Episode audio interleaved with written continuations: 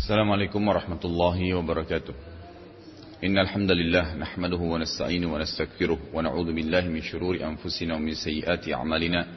من يهده الله فلا مضل له ومن يضلل فلا هادي له.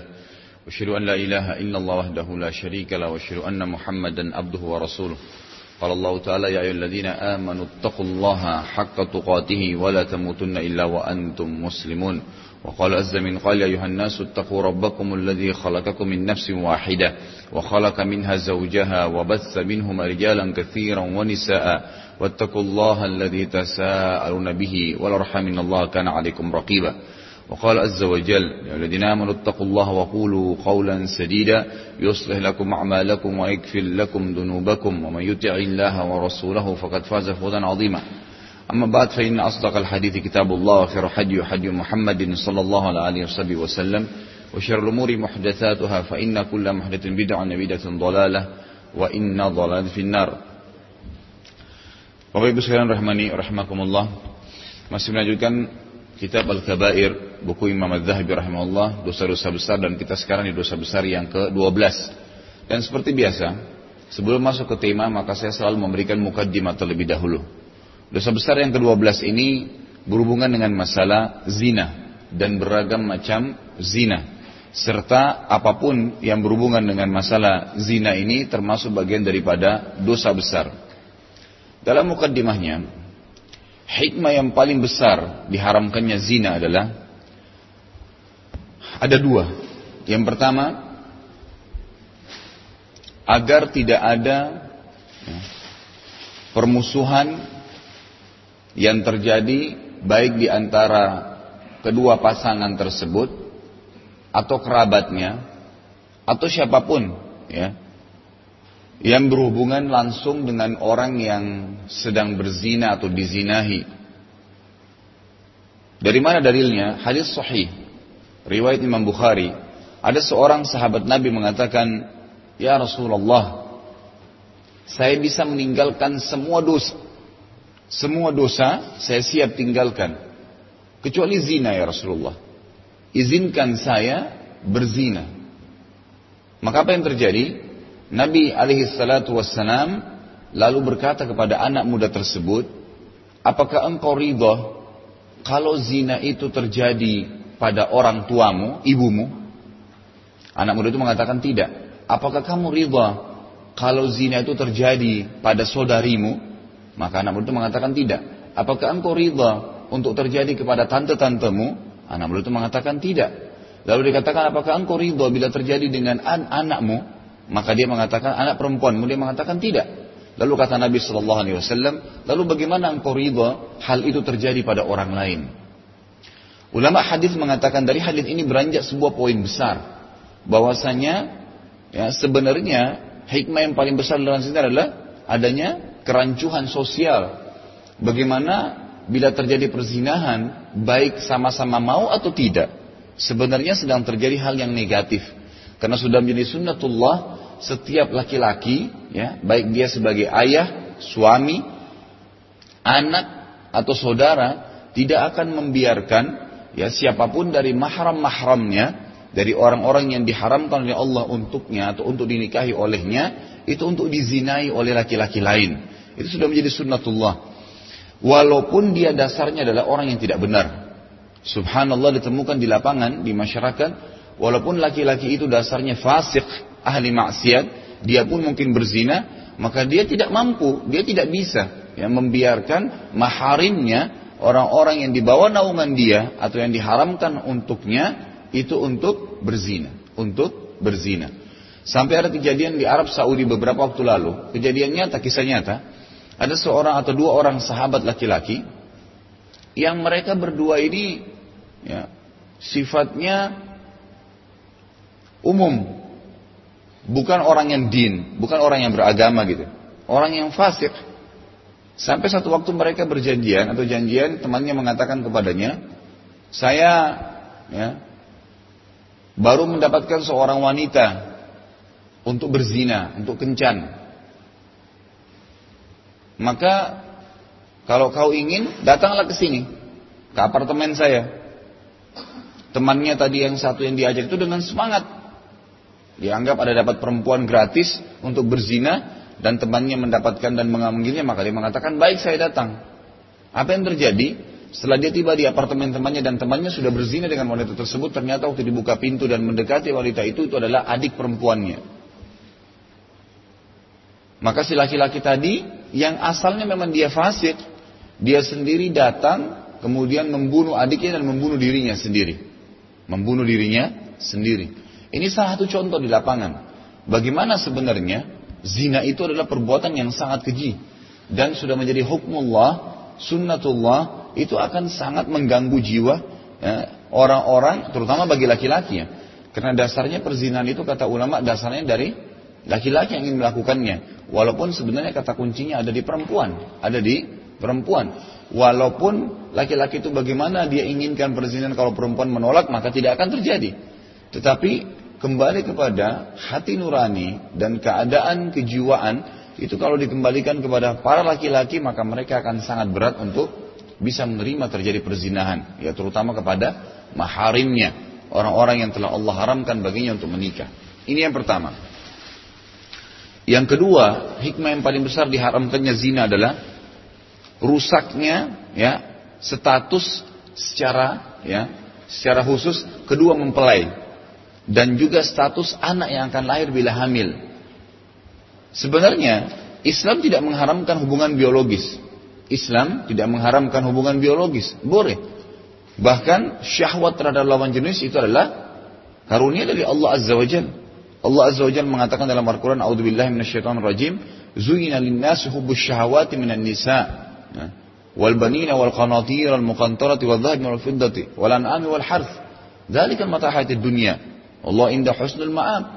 Jadi Allah sebenarnya sudah menghiasi syahwat, hawa nafsu ingin berhubungan biologis, ingin bercumbuan, ya, ingin bersentuhan antara lawan jenis, laki-laki dan perempuan, perempuan dan laki-laki. Terutama laki-laki diberikan hiasan itu terhadap ya dalam dirinya terhadap perempuan. Hmm. Begitu juga cinta terhadap anak-anak, cinta terhadap kendaraan, cinta terhadap harta, semua itu ada kata Allah Azza Wajal. Ya kan gitu. Bukan bukan bukan negatif, positif sebenarnya. Tetapi Allah punya kaidahnya.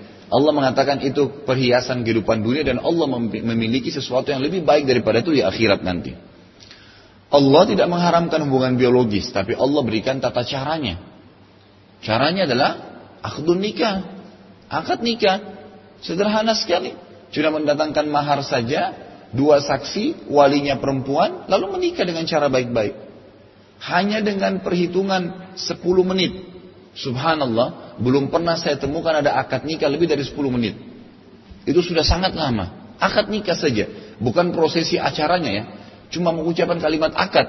Walinya perempuan cuma mengatakan, saya menikahkan kamu sama anak saya perempuan si fulana dengan mahar ini selesai. Perempuan mengatakan, laki-laki mengatakan saya terima. Habis, sudah halal. Hanya dengan kurang dari 10 menit prosesnya itu sudah halal. Masalah ada acara, undangan orang, itu sebuah formalitas. Sunnah. Kan gitu. Sebagaimana Nabi Wasallam mengatakan dalam hadis Bukhari kepada ya Abdurrahman bin Auf waktu datang, ya lalu Abdurrahman bin Auf tiba-tiba menggunakan pakaian yang bagus gitu kan. Nabi SAW mengatakan, apakah kau baru menikah? Dia mengatakan iya. Maka Nabi SAW heran, kenapa nggak ada undangannya? Nabi mengatakan, aulim walau bisyat. Iklankanlah walaupun dengan satu ekor kambing, supaya nggak jadi fitnah gitu kan. Tapi di sini Nabi SAW tidak melarang ya atau tidak membatalkan pernikahan Abdurrahman bin Auf. Artinya boleh tanpa diiklankan sebenarnya, gitu kan? Tetapi lebih baik kalau diiklankan agar tidak jadi fitnah di masyarakat. Tapi inti pernikahan adalah kalimat nikahnya. Dan itu kurang dari 10 menit. Kurang dari 10 menit. Setelah itu sudah halal untuk melampiaskan syahwat yang sifatnya positif kalau dari Allah. Boleh bersentuhan, boleh berciuman, boleh berhubungan sampai biologi sepuasnya. Bahkan dalam sebuah hadis yang sahih kata Nabi Shallallahu Alaihi Wasallam, fi bid'i ahadikum sadaqah. Di kemaluan salah seorang di antara kalian ada sedekah, ada pahala yang besar gitu. Maka para sahabat bingungnya laki-laki. Ya Rasulullah, ayati ahaduna ahlahu walahu fihi ajr. Wahai Rasulullah, apakah salah seorang di antara kami menggauli istrinya? Ya, jelas-jelas berhubungan biologis, nikmat gitu kan? Yang dirasakan sebagaimana sudah umum masyarakat ketahui masalah itu. Dia mendapatkan pahala Dapat pahala nih. Mendapatkan nikmat saya sudah cukup, apalagi dapat pahala. Apa kata Nabi Shallallahu Alaihi Wasallam? Araitum law fil haram alakumul wizr. Tidakkah kalian lihat kalau kalian letakkan kemaluan kalian pada yang haram, berzina, bukan dengan yang sah yang Allah inginkan gitu kan? Sama-sama syahwat. Maka kalian dapat dosa, dosa besar zina. Sebagaimana akan kita bahas gitu kan? Maka para sahabat mengatakan, iya ya Rasulullah. Apa kata Nabi SAW? Wa kadzalika fil halal. Begitu pula kalau kalian letakkan di halal. Artinya luar biasa. Dengan kurang dari 10 menit, datangkan wali perempuan, kemudian dua saksi, alimat akad nikah, selesai pernikahan. Halal. Kata Nabi SAW dalam hadis yang lain, bertakwalah kepada Allah, takutlah kalian kepada Allah terhadap istri-istri kalian, terhadap istri-istri kalian.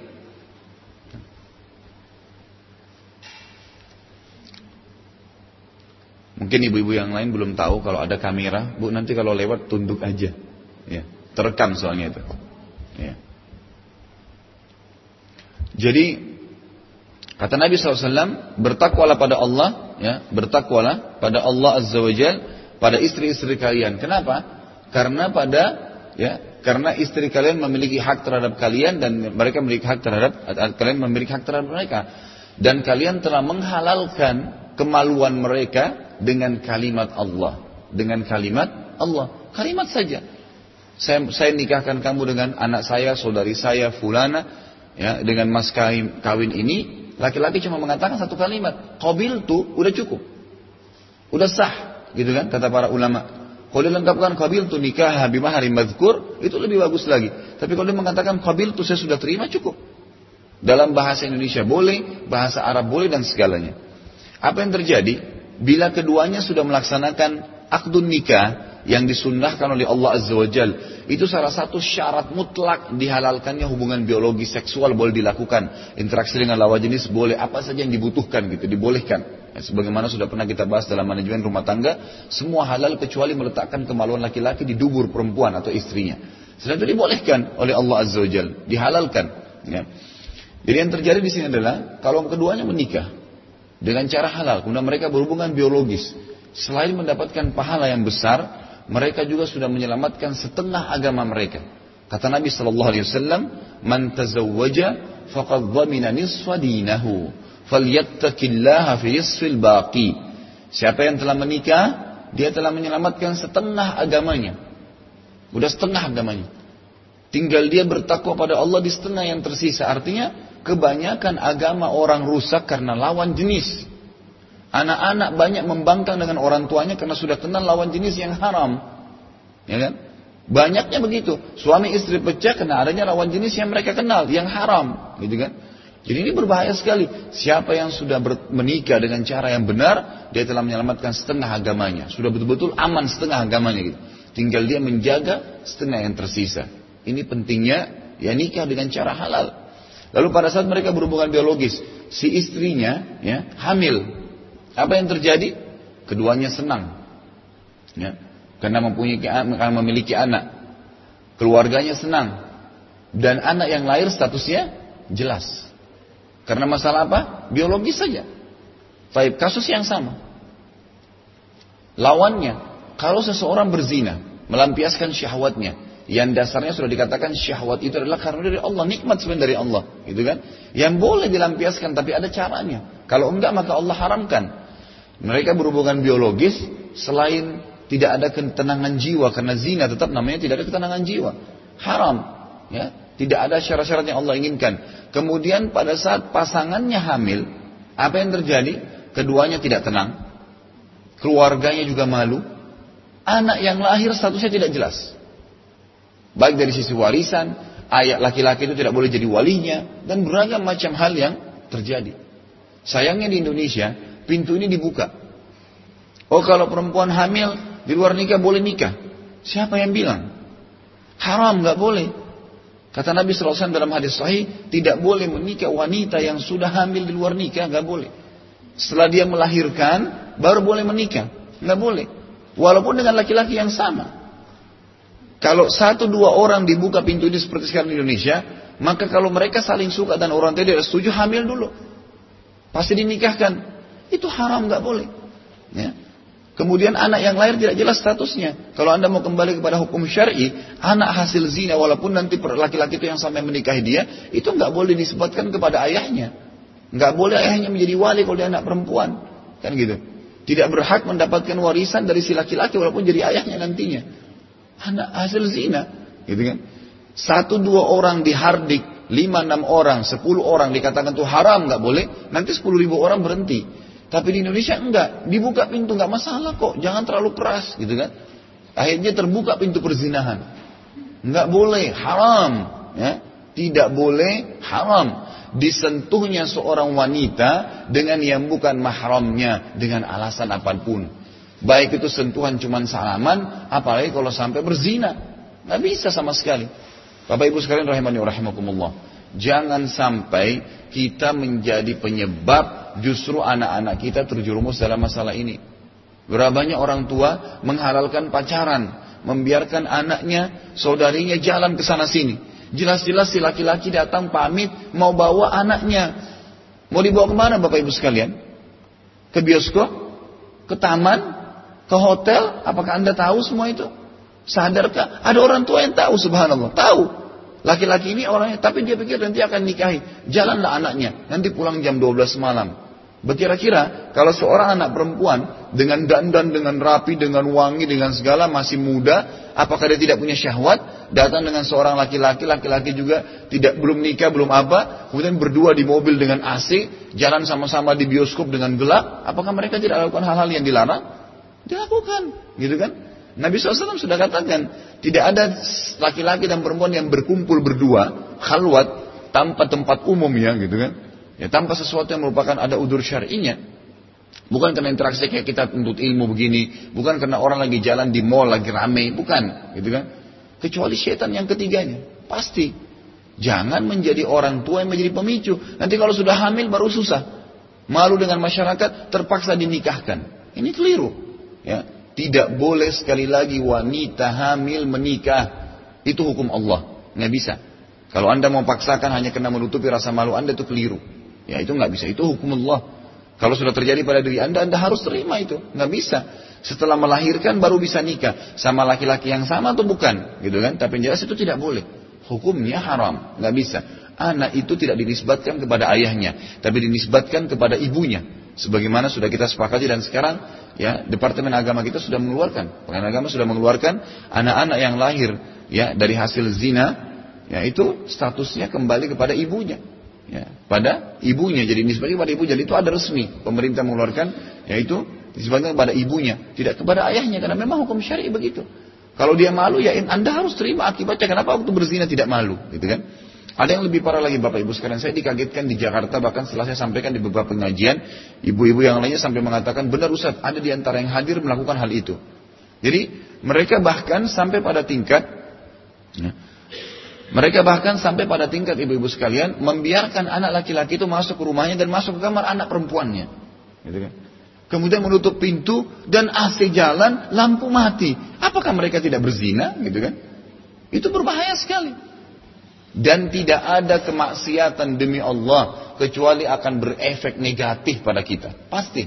Jangan ibu dan bapak sekalian berpikir, oh saya berzina aman. Tidak aman itu. Ya, tidak aman. Walaupun anda bertaubat kata para ulama kalau dosa besar masih diikuti dengan pembersihan dosa.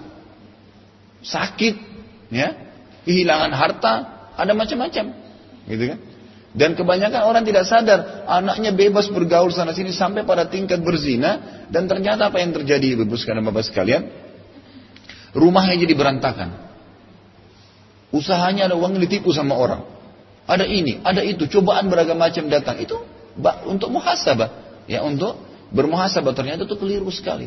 Itu sangat fatal, gitu kan? Jadi hati-hati dengan hal-hal seperti ini. Zina banyak orang tidak faham, ya mereka memikirkan zina itu hanya sekedar berhubungan biologis dan seandainya kalau saya sebagai orang tua atau saya sebagai saudara mengizinkan saudara saya untuk pacaran dan segalanya, kemudian mereka zina saya tidak andil dalam dosa. Keliru. Itu andil dosa yang sangat besar, gitu kan? Jadi jangan pernah izinkan anak perempuan Anda untuk pacaran. Kenapa harus pacaran? Ada laki-laki suka datang tawarkan mau menikah silahkan. Ya, tidak mau menikah jangan. Ini jangan main-main karena maharim kan gitu. Buatlah rasa cemburu Anda ada dalam diri Anda, gitu kan? Terutama bagi laki-laki tentunya. Ya bagi orang tua, bagi yang memimpin gitu kan, saudara. Nah, tadi sudah kita jelaskan di awal di awal-awal mukadimah kita, bagaimana laki-laki itu harus berperan besar di sini. Ya. Dan dia harus bisa menjaga maharimnya. Perempuan-perempuan juga menjaga kehormatannya. Subhanallah. Banyak sekali kasus terjadi, seorang perempuan dengan alasan ya syahwat syaitania ini, sudah syaitan yang berbicara Ya, dan selalu standar. Kalau pertama ta'aruf, dibahasakan sekarang ta'aruf, kemudian nanti pindah ke masalah pacaran. Nggak apa-apa kok, nggak buat apa-apa, nggak sentuhan, nggak apa, cuma ngobrol. Janjian berdua ketemu, terbuka satu pintu setan. Kemudian pelan-pelan lagi sentuhan, nggak apa-apa cuma pegang tangan, nggak apa-apa cuma ciuman. Nanti standar godaan setan apa? Toh nanti kau juga akan nikah. Terjadi perzinahan. Itu hampir semua manusia begitu digoda. Hampir semua manusia Begitu digoda dan itu berbahaya sekali. Dan awal godaan iblis untuk anak Adam adalah syahwat yang haram. Sebagaimana dalam asar yang sahih dikatakan, Nabi Idris alaihissalam pernah bertemu dengan iblis. Dan iblis menggunakan beberapa kalung, berwarna-warni kalung. Idris alaihissalam bertanya, Hai iblis, apa yang ada di lehermu itu? Maka dia mengatakan, kalau yang pertama ini Nabiullah, ada kalung yang pertama berwarna merah, ini kalung syahwat semua anak Adam yang pertama meranjak kedewasaan saya letakkan di lehernya ini. Semuanya. Maka yang paling pertama mereka gembar-gemburkan adalah syahwat. Itu godaan yang kita sering bahasakan orang puber. Itu syahwat memang dari syaitan itu senjatanya dia. Semuanya supaya tergila-gila dengan pasangan. Anak-anak muda kita kalau ketemu tidak lagi dibicarakan kecuali pacar dan pacar, pacar dan pacar. Dan jadikan sebagai kebanggaan gitu. Bahkan dilihatkan dalam sinetron kita, orang tuanya berjilbab dan anaknya pacaran bebas silahkan. Hamil di luar nikah diberikan contoh. Ini loh menikah dalam kondisi hamil supaya aib keluarga. Haram dalam agama. Kok bisa gitu? Ya, keluar dari fitrahnya agama yang sebenarnya nggak bisa. Kan gitu. Ini hal yang perlu diperhatikan. Jadi tidak boleh dianggap remeh hal-hal seperti ini. Jadi bab zina ini adalah bab yang sangat luas. Bab yang berbahaya sekali. Dan masalahnya cuma satu. Karena pelampiasan syahwat yang Allah sebenarnya jadikan sebagai nikmat. Kalau diletakkan pada tempatnya. Bukan aib Bapak Ibu sekalian dan pernah saya tekankan poin ini kalau Anda masih ingat. Bukan aib menikahkan anak kita masih muda. Bukan aib. Kan gitu. Kalau saya bahasakan sama istri saya sendiri. Kalau saya punya anak perempuan sudah balik. ya Itu maka saya tidak akan ragu kalau ada yang datang minta saya nikahkan. Oh belum bisa memimpin. Karena Anda tidak ajar. Gitu kan. Kenapa ada anak-anak belasan tahun punya kemahiran banyak, prestasi di sekolah, ya, bisa ini, bisa itu, karena mereka terdidik, bisa dilatih kok, gitu kan? Bisa dilatih. Saya tinggal menambah istilahnya satu piring saja di rumah saya untuk anak mantu saya yang masuk, sudah aman anak saya gitu. Dia akan berhubungan biologis yang benar, dia akan bebas, dia akan ada pelindungnya dan akan ada, akan ada dan seterusnya. Gitu kan? Dibandingkan saya melarang dia menikah dan saya membolehkan dia bergaul bebas, tetap dia berzina di luar. Sampai keluar simbol sekarang perkataan di tengah-tengah masyarakat kita, jilbab bukan satu simbol kebaikan. Kenapa? Karena orang pakai jilbab semuanya pacaran, semuanya berzina, masuk hotel malam minggu sama pacarnya, berjilbab, gitu kan? Jadi merupakan simbol yang negatif sekali gitu. Kenapa? Karena dibukanya pintu ini. Makanya hikmah yang paling besar waktu Allah mengatakan la takrabu zina wala takrabu zina. Jangan dekati zina. Itu bukan dekati zina. Ya, langsung berzina dari awal. Kenalannya, ininya, itunya, janjiannya, sentuhannya, ciumannya. Enggak kok. Nanti kalau kita sudah sentuhan dengan lawan jenis yang haram, syaitan selalu bisikin, kan selama kamu belum masukin kemaluan kamu. Itu bahasa langsungnya. Enggak berzina. Enggak apa-apa kok sentuhan. Enggak apa-apa kok ini. Enggak apa-apa kok itu. Gitu kan? Ini luar biasa. Sampai ada seorang anak-anak SMA yang sempat tanya pada saya di bulan Ramadan, Ustaz, apa hukumnya Ustaz? Ya, e, berpacaran di bulan Ramadan. Dengan sangat polos dia jawab, di Ramadan Ramadan tetap haram gitu kan. Tapi mereka anggap bulan Ramadan berhenti nggak boleh. Tapi akhirnya dia juga membahasakan, terus kalau kalau pacaran Ustaz sampai meneteskan air mani, apakah membatalkan puasa? Naudzubillah. Pertanyaan yang sangat luar biasa dari seorang anak SMA gitu kan. Berarti menandakan mereka kalau di luar Ramadan bagaimana tuh modelnya? Gitu kan? Di Ramadan aja mereka masih menanyakan nah hukum itu. Suami istri aja batal puasanya apalagi kalau dalam keadaan haram, gitu kan? Nggak bisa sama sekali. Nah ini contohnya. Jadi memang kita nggak boleh lalai dalam masalah ini. Tidak boleh lalai. Kalau sudah pernah ada yang terjadi beristighfarlah kepada Allah Azza wa. Ya. anak-anak kita, saudari-saudari kita, ini dalam Islam seperti emas. Ya, anda-anda ini muslimah wanita seperti emas.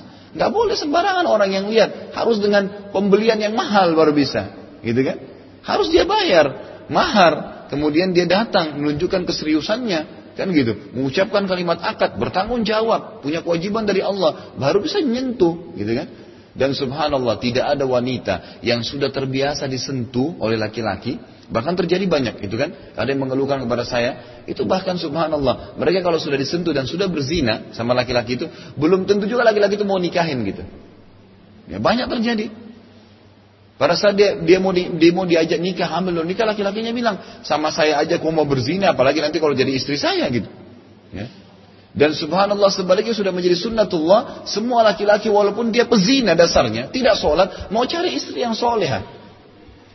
Mau cari istri yang tidak pernah berzina, nggak pernah bergaul, itu banyak. Kenapa banyak muslimah kita tidak sadar dengan poin itu gitu? Ya. Kalau dia menjaga demi Allah, Allah akan berikan kepadanya orang-orang yang baik. Allah mengatakan dalam Al-Quran, "A'udzubillahi at-tayyibuna lit-tayyibat." Ya. Dalam dalam ayat, "Wal khabithuna lil khabithat." Laki-laki yang baik, perempuan yang baik untuk laki-laki yang baik pula. Kalau anda jaga kehormatan anda, tutup aurat, tidak pernah disentuh dengan selain mahram, gitu kan? Tidak ada. Mahram pun ayah itu cuma bisa sentuh bagian-bagian tertentu. Boleh sentuh bagian-bagian yang bisa mengundang syahwat, gitu kan? Sampai Nabi SAW menyuruh, ya, ajarkan anak kalian sholat di umur 7 tahun, dan pukullah mereka di umur 10 tahun, dan pisahkanlah mereka di ranjang. 10 tahun, nggak boleh satu tempat tidur lagi. Walaupun sama jenis. Nggak bisa. Hukum Allah begitu. Perempuan sama perempuan nggak bisa pisahin ranjangnya. Walaupun tempat kita kecil bisa. Kasih pembatas bantal misalnya. Nggak bisa. Satu tempat tidur nggak boleh. Nabi SAW melarang. Kenapa? Untuk menutup pintu zina itu. Untuk menutup pintu itu. Karena orang ada syahwatnya. Tidak sengaja disentuh bagian-bagian fatalnya bisa terangsang. Gitu kan? Bisa terpengaruh. Nonton film tertentu bisa terpengaruh. Berapa banyak perzinahan terjadi antara adik dengan kakak. Ya kan gitu. Pernah terjadi kisah nyata bahkan kena orang tuanya ngawur, main menonton film sembarangan dan meletakkan sembarangan di rumahnya, adik anaknya nonton, sedua-dua adik adik kakak berzina, hamil di luar nikah, luar biasa ini, double dosanya. Berzina dengan mahram, Nabi SAW menyuruh membunuh orang seperti ini. Dihukumnya dikisas.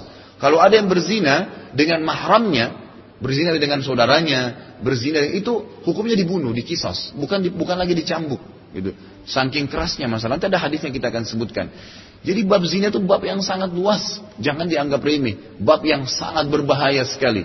Jangan pernah membuka bab zina. Demi Allah kalau orang menjaga kehormatannya Allah akan utus kepadanya jodoh yang baik-baik. Gitu kan? Jadi jangan pernah mimpi. Kalau anda berzina, anda nggak dapat jodoh yang berzina. Jangan pernah mimpi. Semua pezina akan dapat pezina. Orang pembohong akan dapat pembohong. Minimal pernah berzina seperti dia. Oh saya cuma berzina satu kali. Pasangan anda juga nanti pernah berzina satu kali. Hukum Allah maha adil. Kalau anda jaga kehormatan anda, wallah Allah akan utus kepada anda pasangan yang tidak pernah sama sekali berbuat hal-hal yang haram. Itu jelas. Sunnatullah begitu. Sunnatullah begitu. Tidak usah khawatir, oh anak saya tidak datang jodohnya kalau nggak pakai jilbab. Keliru. Ya, keliru sekali gitu. Salah. Dan ingat, kata ulama, kalau ada wanita yang dizinai, diperkosa nih, ceritanya kita bicara perkosa, naudzubillah. Seorang wanita diperkosa. Kalau dia menutup auratnya dengan rapi, benar-benar dia menjaga hubungan dengan Allah Azza wa Jal, maka apa yang terjadi? Ya, dia akan dapat pahala karena dia diperkosa, yang menzinainya dapat dosa besar. Dia dapat pahala, membela kehormatannya. Tapi kalau ada seorang wanita diperkosa, bukan berzina umum ini ya, diperkosa, ya. Kemudian dia penyebabnya, memang dia dandan, memang dia pakai pakaian ketat, memang dia luar biasa sehingga menggoda orang untuk mengganggunya. Maka yang berzina, yang menzinai dapat dosa, yang dizinai dapat dosa. Karena dia penyebabnya, gitu kan? Jadi nggak boleh, jangan salah faham di sini. Itu bahaya sekali gitu kan? Jadi jangan sampai menjadi penyebab masalah begini. Dan subhanallah orang yang jaga kehormatannya dengarkan kisah. Terjadi di Saudi juga. Ada seorang akhwat kita yang luar biasa imannya terkenal di Madinah. Ini kisah nyata. Tiap hari itu kerjanya cuma kalau maghrib isya masjid Nabawi hadiri halaqah para ulama. Kemudian dia apa namanya e, kalau siang yang lainnya bantu, bantu orang tuanya. Kemudian dia juga sekolah sambil kuliah gitu. Luar biasa, kerjanya cuma din, tiap hari agama, nggak ada yang lain gitu. Menjaga tutup aurat yang benar luar biasa jaga iman. Satu waktu uh, saudaranya tidak sempat jemput, maka dia pulang naik, naik taksi. Ini di Saudi di Madinah, gitu kan? Tempat yang sangat aman istilahnya. Kita bisa katakan aman naik taksi itu tidak ada apa-apa gitu kan. Subhanallah cobaan Allah datang. Supir taksinya ini orang tidak benar, fasik kan dari daerah padang pasir gitu kan. Tiba-tiba syahwatnya muncul, dia kunci mobil, dia bawa perempuan ini ke padang pasir. Perempuan ini teriak nggak didengar oleh orang-orang. Padang pasir, tiba-tiba di padang pasir. Orang ini lebih tahu jalannya gitu. Gelap. Tiba-tiba dia datang mau menyerang. Maka apa yang terjadi perempuan ini berdoa kepada Allah, ya Allah, janganlah engkau lepaskan kehormatanku ya, secara tidak benar, secara tidak halal. Apa yang terjadi? Dari kejauhan di padang pasir, kisah nyata. Di kejauhan padang pasir tiba-tiba ada lampu mobil menyorot ke mobil itu. Kisah nyata, nyorot. Maka orang yang laki-laki tadi yang mau mendekati si perempuan ini, lihat lampu mobil, dia kaget, berhenti nggak jadi nyentuh. Kemudian dia pura-pura turun dari mobilnya kayak orang yang ya seakan-akan tidak ada apa-apa gitu. Mendekat mobil tersebut dibuka ternyata siapa yang datang? Ayahnya perempuan ini dengan kakak laki-lakinya. Datang, ini kisah nyata. Kemudian memberikan ya laki-laki itu begitu lihat si perempuan langsung bilang, "Oh ayah," dipanggil itu. "Ayah, kakak saya." Laki-laki itu ketakutan lari. Lari dia. Terus perempuan ini dibukain pintu naik. Di dalam mobil tidak ngomong satu kalimat pun, gitu kan? Perempuan ini masih trauma sekali gitu. Ya, karena tadi hampir saja dia diserang dan bisa ter, bisa terjadi diperkosa gitu. Begitu tiba di rumah, dibawa apartemennya langsung kakaknya bilang, naiklah temui, temui ibumu di atas gitu. Ya, tenangkan diri. Udah turun. Dia turun tiba-tiba naik seperti ini naik ke atas buka pintu. Apa yang terjadi? Waktu dia buka pintu di bel, buka pintu, dia buka pintu, kakaknya sama abah ayahnya ada di dalam rumah. Ada dalam rumah. Ternyata tadi itu pertolongan dari Allah Azza wa Jal datang. Pertolongan dari Allah Azza wa Jal. Sebagian ada sebagian ulama menanggapi kisah ini itu malaikat yang datang menolong mereka gitu. Bukan mustahil. Allah Azza wa Jalla memberikan pertolongan karena menjaga kehormatannya. Gitu kan? Itu luar biasa gitu. Sesuatu yang terjadi dan nyata gitu kan. Jangan menjadi perempuan yang murahan. Mohon maaf, ini banyak terjadi. Saya katakan, sering saya ucapkan dan biarin menjadi sebuah cambuk bagi muslimah kita di Indonesia. Jangan jadi perempuan murahan. Baik Anda sebagai ibu atau Anda sebagai ayah, ya, orang tua atau Anda sebagai perempuan itu sendiri. Gampangan, gonta-ganti pacaran, gitu kan? Laki-laki ini, laki-laki tidak ada orang pacaran. Pacaran tujuannya syahwat demi Allah. Gak ada yang lain. Ada yang lain? Gak ada. Omong kosong aja untuk kenal. Gak ada ceritanya. Apakah kalau untuk mengenal, kemudian kita datang jalan sama-sama sampai tidur, oh saya nggak mau nikah kalau saya belum lihat badannya.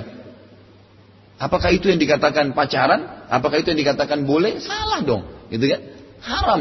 Kenapa sih kita keluar dari fitrah yang sebenarnya? Ini fitrah yang keliru. Nggak boleh. Jangan pernah khawatir untuk kedatangan jodoh yang baik kalau anda jaga. Nggak usah khawatir. Ya. Anda masih ingat pernah saya sampaikan juga sebuah kisah. Di daerah Bogor, di salah satu perkampungan Bogor dulu. Ini kisah dari teman ayah saya sendiri. Beliau masih hidup sampai sekarang. Sekarang kebetulan masih ada di rumah orang tua saya. Saya baru ketemu beliau tadi pagi gitu. Semalam nginap di rumah saya. Sangat luar biasa kisahnya gitu. Waktu kami cerita tentang penjagaan perempuan, bagaimana menjaga kehormatannya gitu kan. Itu lalu dia cerita, ada satu perkampungan, sering saya datang ke sana, di, di, mas, bukan di kota Bogor, masih di pinggiran kota Bogor gitu. Tapi dia tidak sebutkan apa, tapi kayak perkampungan gitu. Lalu dia bilang saya ke sana, saya kenal baik imam masjidnya, ada masjid itu, saya kenal baik. Sering ketemu. Satu waktu ada teman saya datang dari Jazair, aslinya dari Jazair, negara Arab di Afrika. Itu kan Afrika Utara, tapi dia warga negara Perancis. Orangnya luar biasa baik, seorang pengusaha, seorang pedagang, dan multazim gitu, orang yang jaga agama. Dia bilang, paman ini paman saya cerita, setiap kali dia bolak-balik kampung itu, selalu tersebar yang selalu menjadi buah bibirnya ceritanya masyarakat itu banyak itu ada satu wanita perempuan anak gadis bercadar di kampung itu. Nggak ada satupun perempuan yang pakai jangankan jilbab besar bercadar kecuali dia.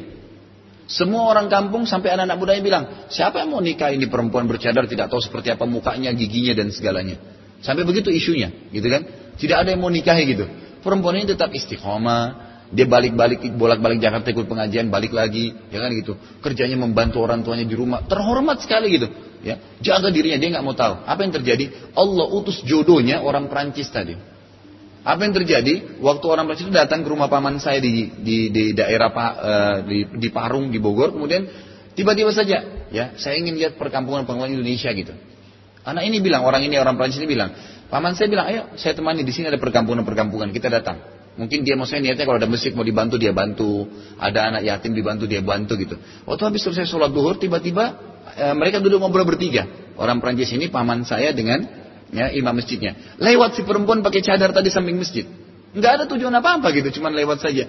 Orang Prancis tanya, ya siapa itu? Lalu imam masjidnya bilang, ini perempuan yang terbaik di kampung kami. Satu-satunya orang bercadar gitu. Ditanya sama orang itu, sudah nikah? Belum. Saya mau nikahin, dan amar. Didatangi rumahnya tanpa dilihat wajahnya dilamar gitu, menikah. Pada hari itu dilamar buat acara menikah. Setelah menikah dibawa pulang ke Prancis. Jodohnya datang Allah utus dari mana? Prancis jauhnya. Seorang muslim pengusaha yang baik. Karena dia istiqomah. Tidak ada keistiqomahan kecuali membawa sesuatu. Oh anak laki-laki saya tidak bergaul bebas misalnya. Ya, tidak bergaul bebas. Dia menjaga dirinya gitu. Nanti kesian tidak dapat jodoh yang baik. Keliru. Keliru. Nggak usah khawatir. Allah akan utus kepadanya wanita yang luar biasa seperti dia levelnya. Pasti. Gitu kan? Nggak usah khawatir. Yang keliru kalau kita selalu memasuki was-was syaitan, nanti begini, nanti tidak laku, nanti macam-macam. Hal-hal was-was yang membuat kita membuka pintu zina. Dan ingat, tidak ada orang yang membuka pintu kemaksiatan atau menjadi penyebabnya, kecuali dia akan dapat dosanya. Ya, Sebagaimana kata Nabi alaihissalatu wassalam, Ya man sanna fil islami sunnatan hasana, falau ajru man amila biha. Ya, falau ajruha wa ajru man amila biha. Minggaran yangkus min ajri fa'ilihi syai'an. Siapa pun yang melakukan perbuatan yang baik, menuntun orang pada perbuatan yang baik, yang ada sunnahnya, diperintahkan oleh Nabi Shallallahu Alaihi Wasallam, gitu kan? Maka akan mendapatkan pahala itu. Di komplek ini memang misalnya tidak pernah orang salam satu sama tetangga. Lalu uh, Diberikan salam, kita hidupkan. Setiap ketemu, Assalamualaikum warahmatullahi wabarakatuh. Misal. Maka karena kita membiasakan diri dan hiduplah salam di komplek ini, kita dapat pahalanya. Menjadi penyebab misalnya. Azan, sholat. Mungkin orang-orang tidak berpikir. Atau buat pengajian seperti ini. Lalu orang-orang tertarik tangga untuk datang. Menjadi contoh yang baik. Maka akan dapat pahalanya. Dan pahala orang-orang yang melakukannya tanpa mengurangi pahala orang yang melakukannya sedikit pun. Kan gitu. Baik, sebaliknya kata Nabi SAW. Wa man sanna fil islami sunnatan sayyi'ah falahu wizruha wa wizru man amila biha min ghairi an yanqus min wizru fa'ilihi syai'a ya atau fa'ilaha syai'a Siapa yang menunjukkan pada perbuatan keburukan, kemaksiatan dalam Islam, maka dia akan dapat dosanya, ya, dosa perbuatan sendiri. Zina, dia akan dapat zina. Bohong, dia akan dapat bohong. Riba, dia akan dapat riba, gitu kan? Tanpa dan eh, dan eh, apa dan dia akan dapat dosanya dan dosa orang yang melakukannya serta tidak dikurangi dari dosa pelakunya sedikit pun. Orang berzina karena kita penyebabnya. Banyak anak-anak muda kita sekarang tidak tahu. Karena mau nunjukin temannya malam minggu ke puncak. Ini kita mau ke puncak nih, ada banyak begini, ada tempat hiburan, ada gini-gini. Mungkin dia tidak berzina, tapi karena dia yang ajak, temannya jadi berzina. Maka dia dapat dosanya. Dia penyebab. Gitu kan? Sebaliknya kalau orang menjadi penyebab orang datang ke pengajian dapat pahalanya. Ini hal-hal mendasar yang banyak orang tidak tahu. Ini masih baru di mukaddimah tentang masalah zina. Banyak hal yang berhubungan dengan zina yang harus kita dobrak benar-benar. Bapak Ibu sekalian, demi Allah tidak ada ruginya kalau anak perempuan kita, kita biarkan berjilbab dari kecil. Pakai jilbab. Kan gitu. Waktu anak saya baru lahir, Alhamdulillah saya punya empat anak perempuan. Anak-anak perempuan ini, ya sifatnya Memang mereka ya, dalam kondisi pakai jilbab. Masih masuk kecil itu waktu kecil selalu diingatkan jangan pakai jilbab panas kesian gini. Saya mengatakan tidak. Pakai jilbab. Apa bedanya dia pakai topi dengan pakai jilbab? Sama aja. Alasannya kena lucu pakai jilbab juga lucu kok kalau pakai, gitu kan? Dan ternyata alhamdulillah anak saya umurnya 2 tahun atau 3 tahun.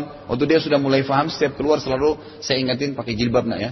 Dia bahkan tidak mau keluar dari pintu kecuali mengatakan, "Umi, mana jilbab saya?" Umur 3 tahun. Apa yang terjadi saya bilang sama istri saya, coba lihat, ini ini tidak akan jadi PR lagi buat saya, buat kita semua, gitu kan? Karena nanti dia akan merasa tidak pakai jilbab adalah perbuatan yang memalukan. Itu yang kita ingin lahirkan gitu, kan gitu. Sholat, ingatkan langsung sholat, lama-lama tidak tidak mau lagi, gitu kan? Dia tidak mau lagi. Biasakan mereka menggunakan pakaian yang tertutup. Nanti dia merasa aib kalau kelihatan bagian betisnya, kalau kelihatan bagian daripada auratnya, karena kita sudah biasakan. Orang-orang yang saya kaget luar biasa tidak malu di mall.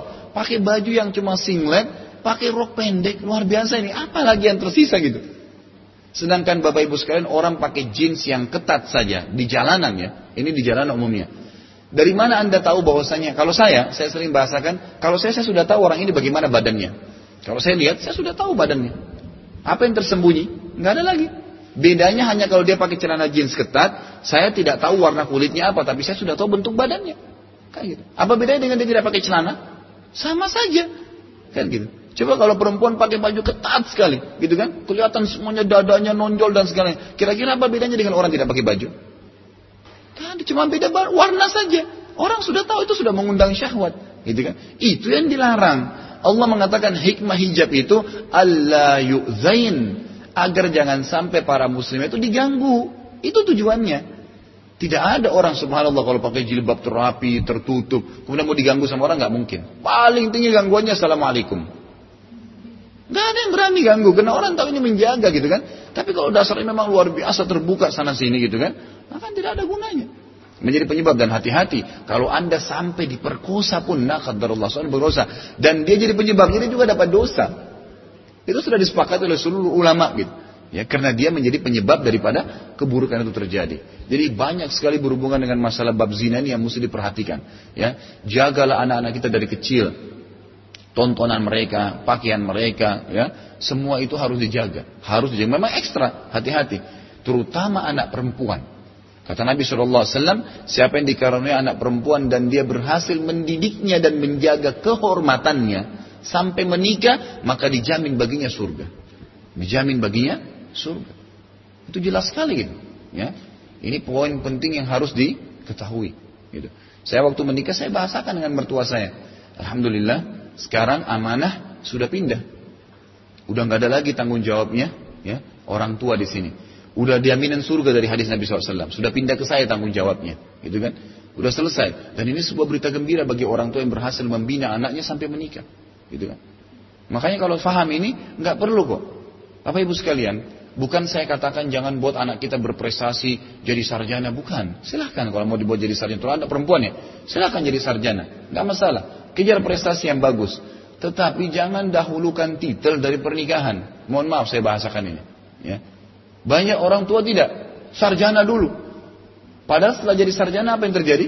Dibutuhin itu di dapur? Gak dibutuhin. Bahkan sebaliknya subhanallah tidak ada orang yang punya ijazah tinggi perempuan kecuali nggak mau kerja di rumah. Nggak mau. Karena dia dituntut oleh akademiknya. Harus begini, harus begitu yang kewajiban dari Allah dilupain, kewajiban yang sifatnya umum saja didahulukan. Kenapa? Terikat dengan lingkup itu. Lebih parah lagi, banyak di antara mereka sarjana, ada yang dokter, ada yang profesor mungkin perempuan, tapi nggak tahu urus rumah tangga. Masa nggak tahu? Ngurus anak nggak tahu, ngurus suami nggak tahu. Lalu untuk apa anda hidup? Bukankah Nabi SAW menjadikan surga seorang wanita demi Allah kata ulama ibu-ibu sekalian dan bapak wanita yang sudah menikah dan punya suami itu dia dengan surga cuma satu jengkal jaraknya Cuma satu jengkal jaraknya. Nabi SAW mengatakan tidak ada wanita yang menjaga lima waktu sholatnya. Tidak disebut yang sholat sunnah. Menjaga puasa Ramadannya. Tidak disebutkan puasa sunnah. Dan mentaati suaminya. Kemudian dia meninggal. Tiga hal. Mentaati layani suami di rumah. Urus rumah itu. Gitu kan? Kalau dia meninggal kecuali dia akan masuk dari delapan pintu surga yang mana dia mau. Tidak ada hadis seperti itu laki-laki nggak ada. Nggak ada. Banting tulang cari rezeki halal, jihad. Itu nggak bisa seperti ini gitu. Masuk surga dari delapan. Saya mau ya Allah pintu delapan. Hanya apa? Lima waktu sholat, jaga puasa Ramadan, dan taati suami. Dengan surga satu jengkal saja. Ya, makanya godaan syaitan yang paling banyak mereka memungkiri suami, nggak mau melayanin, gitu kan?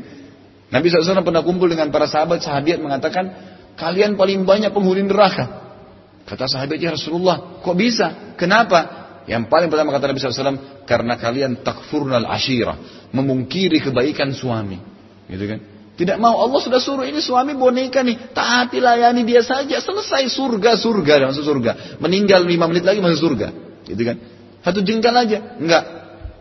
Bangkang, gosip yang dilakukan antara ibu-ibu perempuan-perempuan, jangan nanti kalau terlalu layani suami dianggap tunduk, dianggap terhina. Keliru. Fatal sekali itu. Karakter laki-laki, semua laki-laki standar. Kalau makin perempuan itu nunduk, ya, makin dia patuh, iya makin dihormati. Walaupun laki-lakinya dasarnya keras gitu. Itu pasti. Kalau dia tidak pernah puji istrinya, akan puji istri di luar. Itu terjadi itu karakter laki-laki. Saya pernah kasih contoh dalam majelis rumah tangga ya. Sering saya kasih contoh dan ini fakta lapangan. Kalau saya, sampai saya bahasakan sama istri saya juga begitu. Kalau saya duduk di kursi begini, kemudian kamu datang duduk di sebelah saya, di bawah ya, duduk di lantai, maka yang muncul di pikiran saya adalah, Masya Allah ya istri saya, sangat merendah dengan saya gitu. Yang muncul rasa sayang, wallahi itu terjadi. Dan semua laki-laki kalau ditanya sama. Coba tanya suami-suami anda, kalau lagi duduk, ini bukan berarti saya suruh istri duduk di bawah kaki suami, enggak. Tapi kenali karakter laki-laki, itu karakter laki-laki. Sifatnya begitu. Ya. Kalau dia makin istri itu makin merendah, makin sayang, makin manja, makin ini, maka makin sayang munculnya gitu kan. Itu yang terjadi. Kalau balik ibu-ibu sekalian, ibu dulu di atas kursi, suaminya di bawah, apa yang dalam pikirannya ibu-ibu? Pasti negatif. Karakter perempuan, walaupun ibu mengatakan tidak, itu sudah karakter. Oh, saya sudah kuasai dia. Oh, dia sudah tunduk dengan saya. Itu karakter. Makanya Allah jadikan laki-laki sebagai pemimpin. Nah, dengan cara kita merendah, melayani suami dengan baik, mencari ridhonya, malah akan memunculkan cinta dan perhatian ekstra. Itu umum, gitu. Itu sudah fitrah, ya. Fitrah Allah Azza wa Jalla yang diciptakan. Jadi harus kita sadari poin-poin seperti ini. Ya hati-hatilah terutama dalam mendidik anak. Ya, ini penting sekali. Anak laki-laki, anak perempuan, terutama anak perempuan, maka jaga dengan seperti menjaga emas karena itu pintu surga. Dan sekali lagi, ya tidak ada orang yang membuka pintu zina, ya baik dirinya ataupun dia buka untuk keluarganya, anak-anaknya atau siapa pun, maka kecuali dia membuka sebenarnya pintu dosa buat dirinya sendiri. Mari kita dengarkan dalil-dalilnya. Yang mana Imam Az-Zahabi rahimahullah mengangkat di dosa besar ke-12 sebagian zina lebih besar dosanya daripada sebagian yang lainnya. Artinya Dosa zina dasarnya haram, dosa besar. Tapi ada lagi di antara dosa zina yang lebih besar, yang lebih besar, yang lebih besar gitu. Ya. Dosa besar tapi lebih banyak dosanya. Nanti akan kita rincikan seperti apa itu. Dalil yang pertama disebutkan oleh Allah Azza wa Jalla dalam surah Al-Isra ayat 32 yang bunyinya a'udzubillahi minasyaitonir rajim wala taqrabuz zina innahu kana fahishatan wa sa'a sabila janganlah kalian mendekati zina pandangan mata, sentuhan badan, sentuhan tangan, ya, apa pun alasannya, jangan dekatin zina, jangan menjadi penyebab orang lain dekati zina, anak, saudara, ya, siapa pun, nggak boleh, jauhi zina itu. Salah kalau orang bilang mengatakan enggak dok, saya bergaul sama orang itu, saya bisa kok tahan syahwat saya, nggak bisa. Anda manusia, Ya. Paling tidak ada pelanggaran-pelanggaran sentuhan kulit. Nabi SAW mengatakan, La yutu'ananna ahadukum bimikhyatin min hadid khairun lahum min antamassum beratun la tahillulah. Salah seorang di antara kalian ditusuk dengan besi yang tajam lebih baik baginya, lebih ringan baginya pada hari kiamat dibandingkan dia menyentuh ya, menyentuh perempuan yang bukan mahramnya. Makanya Nabi SAW sampai tidak salaman dengan perempuan yang bukan mahram, gitu kan? Karena berbahaya sekali, larangan. Itu sudah membuka pintu takarrub, dekat. Sesungguhnya kata Allah Azza wa Jal, ya, zina itu adalah suatu perbuatan keji. Perbuatan yang keji ini maksudnya merusak. Tadi, kalau hamil, pasangannya malu dua-duanya. Anaknya tidak jelas statusnya, keluarganya malu. Ya, tidak dikerjakan biologis itu kecuali dengan ketergesa-gesaan, ya, ketidaktenangan. Padahal biologis halal, boleh karunia dari Allah nikmat seksual itu berjumpa dengan lawan jenis itu dibutuhkan. Ya, semua manusia butuh itu. Allah sudah mengatakan tadi kan saya bacakan ayatnya. Tapi disalurkan pada tempat yang benar. Disalurkan pada tempat yang benar. Ya. Dan suatu jalan yang buruk itu pilihan yang buruk. Pacaran itu jalan yang buruk menuju ke zina. Nggak boleh. Yang itu. Allah Azza wa Jalla juga mengingatkan dalam surah Al-Furqan ayat 68. A'udzu billahi minasyaitonir rajim. Walladzina la yad'una ma'allahi ilahan akhara wa la yaqtuluna an-nafsa allati harrama Allah illa bil haqqi wa la yaznun. Wa man yaf'al dzalika yalqa athama. Dan orang-orang yang tidak menyembah Tuhan yang lain beserta Allah, sudah kita bahas dalam bab syirik. Tidak boleh ada keyakinan bahwasanya ada selain Allah yang menciptakan, menghidupkan, mematikan, mencipta apa pun kecuali Allah Azza Wajalla. Jin, manusia, air, batu, langit, apa-apa saja semua diciptakan oleh Allah Subhanahu wa taala. Dan tidak membunuh jiwa yang diharamkan oleh Allah, ya, kecuali dengan alasan yang benar. Sudah kita jelaskan di satu dosa besar dulu membunuh, tidak boleh. Dan tidak berzina, ya. Barang siapa melakukan demikian itu niscaya dia mendapatkan pembalasan dosanya. Maksudnya orang yang zina, orang yang syirik, Dan orang yang membunuh pasti dibalas oleh Allah Subhanahu wa taala. Sebagian ulama tafsir mengatakan di antara dosa-dosa besar yang langsung mendapatkan ya ganjaran itu adalah syirik kepada Allah, membunuh, durhaka sama orang tua dan berzina. Empat dosa ini kalau dilakukan seketika Allah langsung berikan hukumannya di dunia, ya, hukumannya di dunia. Ini berbahaya sekali. Juga bagi orang yang berzina sangat keras disuruh cambuk oleh Allah Azza wa Jal. Disuruh cambuk oleh Allah Azza wa Jal. Kita lihat dalam surah An-Nur ayat 2. Kata Allah Azza wa Jalla, "A'udzu billahi minasyaitonir az-zaniyatu waz-zani fajlidu kulla wahidin minhuma mi'ata jaldah wa la ta'khudhukum bihima ra'fatun." Lanjutan ayatnya, "fi dinillah." Ya, fi dinillah. Dan pezina perempuan atau perempuan yang berzina dan laki-laki yang berzina maka cambuklah masing-masing dari ketuanya, keduanya seratus kali cambukan. Dan janganlah kalian berbelas kasihan kepada keduanya dalam masalah agama Allah. Nggak bisa. Kita buka satu kali pintu zina boleh maka terbuka semua. Dan bapak ibu sadar nggak sekarang? Kalau acara televisi kita hampir semuanya mengundang zina lagu siapa yang bilang tidak mengundang zina kata-kata cinta, perempuan yang joget di depan laki-laki dengan pakaian yang terbuka. Dan yang saya herankan, kenapa masih ada saja juga di antara muslimah kita yang tidak cemburu dengan kondisi ini. Cemburu itu betul. Cemburu pada saat pelanggaran agama dilanggar, nggak boleh. Itu itu nggak boleh memang, gitu kan? Yang mengundang syahwat haram, nggak boleh. Pada saat itu disuruh cemburu. Jangan cemburu pada hal yang tidak, ya, tidak mengundang hal haram. Ini terbalik dunia semua, gitu kan? Kalau yang mengundang syahwat, malah dibiarin. Kalau yang tidak eh, yang haram ya. Tapi kalau misalnya orang menikah dianggap sesuatu yang negatif. Ini hal yang bahaya sekali gitu kan. Jadi ini jangan sampai terjadi. Semua ya hampir semua acara kita begitu. Iklan ya iklan sesuatu yang tidak ada sama perempuan harus pakai perempuan dan harus telanjang. Gitu kan? Harus memamer auratnya. Pakaian dibalik sekarang. Kalau laki-laki kalau mau ikutin kehidupan orang-orang barat, pakai kalau pergi acara pengantin pakai jas, Pakai dasi tertutup semua dari leher sampai kakinya. Yang kelihatan cuma bagian kepala sama telapak tangannya. Perempuannya bolong semua belakangnya gitu kan. Seperti orang kekurangan kain. Dibalik, laki-laki kalau pakai baju kain seperti perempuan terbuka, itu pusarnya tertutup dengan sampai lututnya halal bagi dia. Karena dadanya bukan aurat, gitu kan? Laki-laki jelas batas auratnya gitu kan. Cuma menjaga kehormatan ditutup gitu kan. Ini tidak perempuannya malah terbalik semua kelihatan. Dan demi Allah ibu, sekalian, kata ulama, kalau satu helai rambut anda kelihatan perempuan, sama hukumnya dengan memamerkan paha anda, sama. Karena itu syahwat gak bisa, harus ditutup. Allah yang suruh begitu, harus ditutup. Jangan anggap remeh, oh enggak, enggak apa-apa, enggak, enggak bisa. Semua yang Allah suruh tutup, ditutup, jangan dibuka. Ya, ini sudah jelas. Dan kalau anda patuh, anda dapat pahala di sisi Allah Subhanahu Wa Taala. Ini bahaya sekali. Penyakit-penyakit di masyarakat yang orang tidak sadari dan akhirnya jadi pemicu. Jadi pemicu, gitu kan? Baik. Hukumnya dicambuk dalam agama Islam. Ya, hukumnya dicambuk. Dan ini dicambuknya juga setelah diberikan peringatan-peringatan. Kalau kayak di Saudi pernah saya bahasakan kalau ada yang berzina dan sering ditangkap, ya ada teman-teman saya yang bertugas seperti itu di Madinah pernah menceritakan pada kami.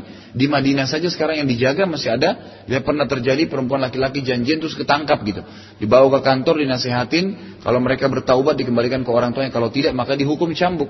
Nah, dihukum cambuk perempuan oleh perempuan laki-laki dan laki supaya mereka tidak mengulangi lagi.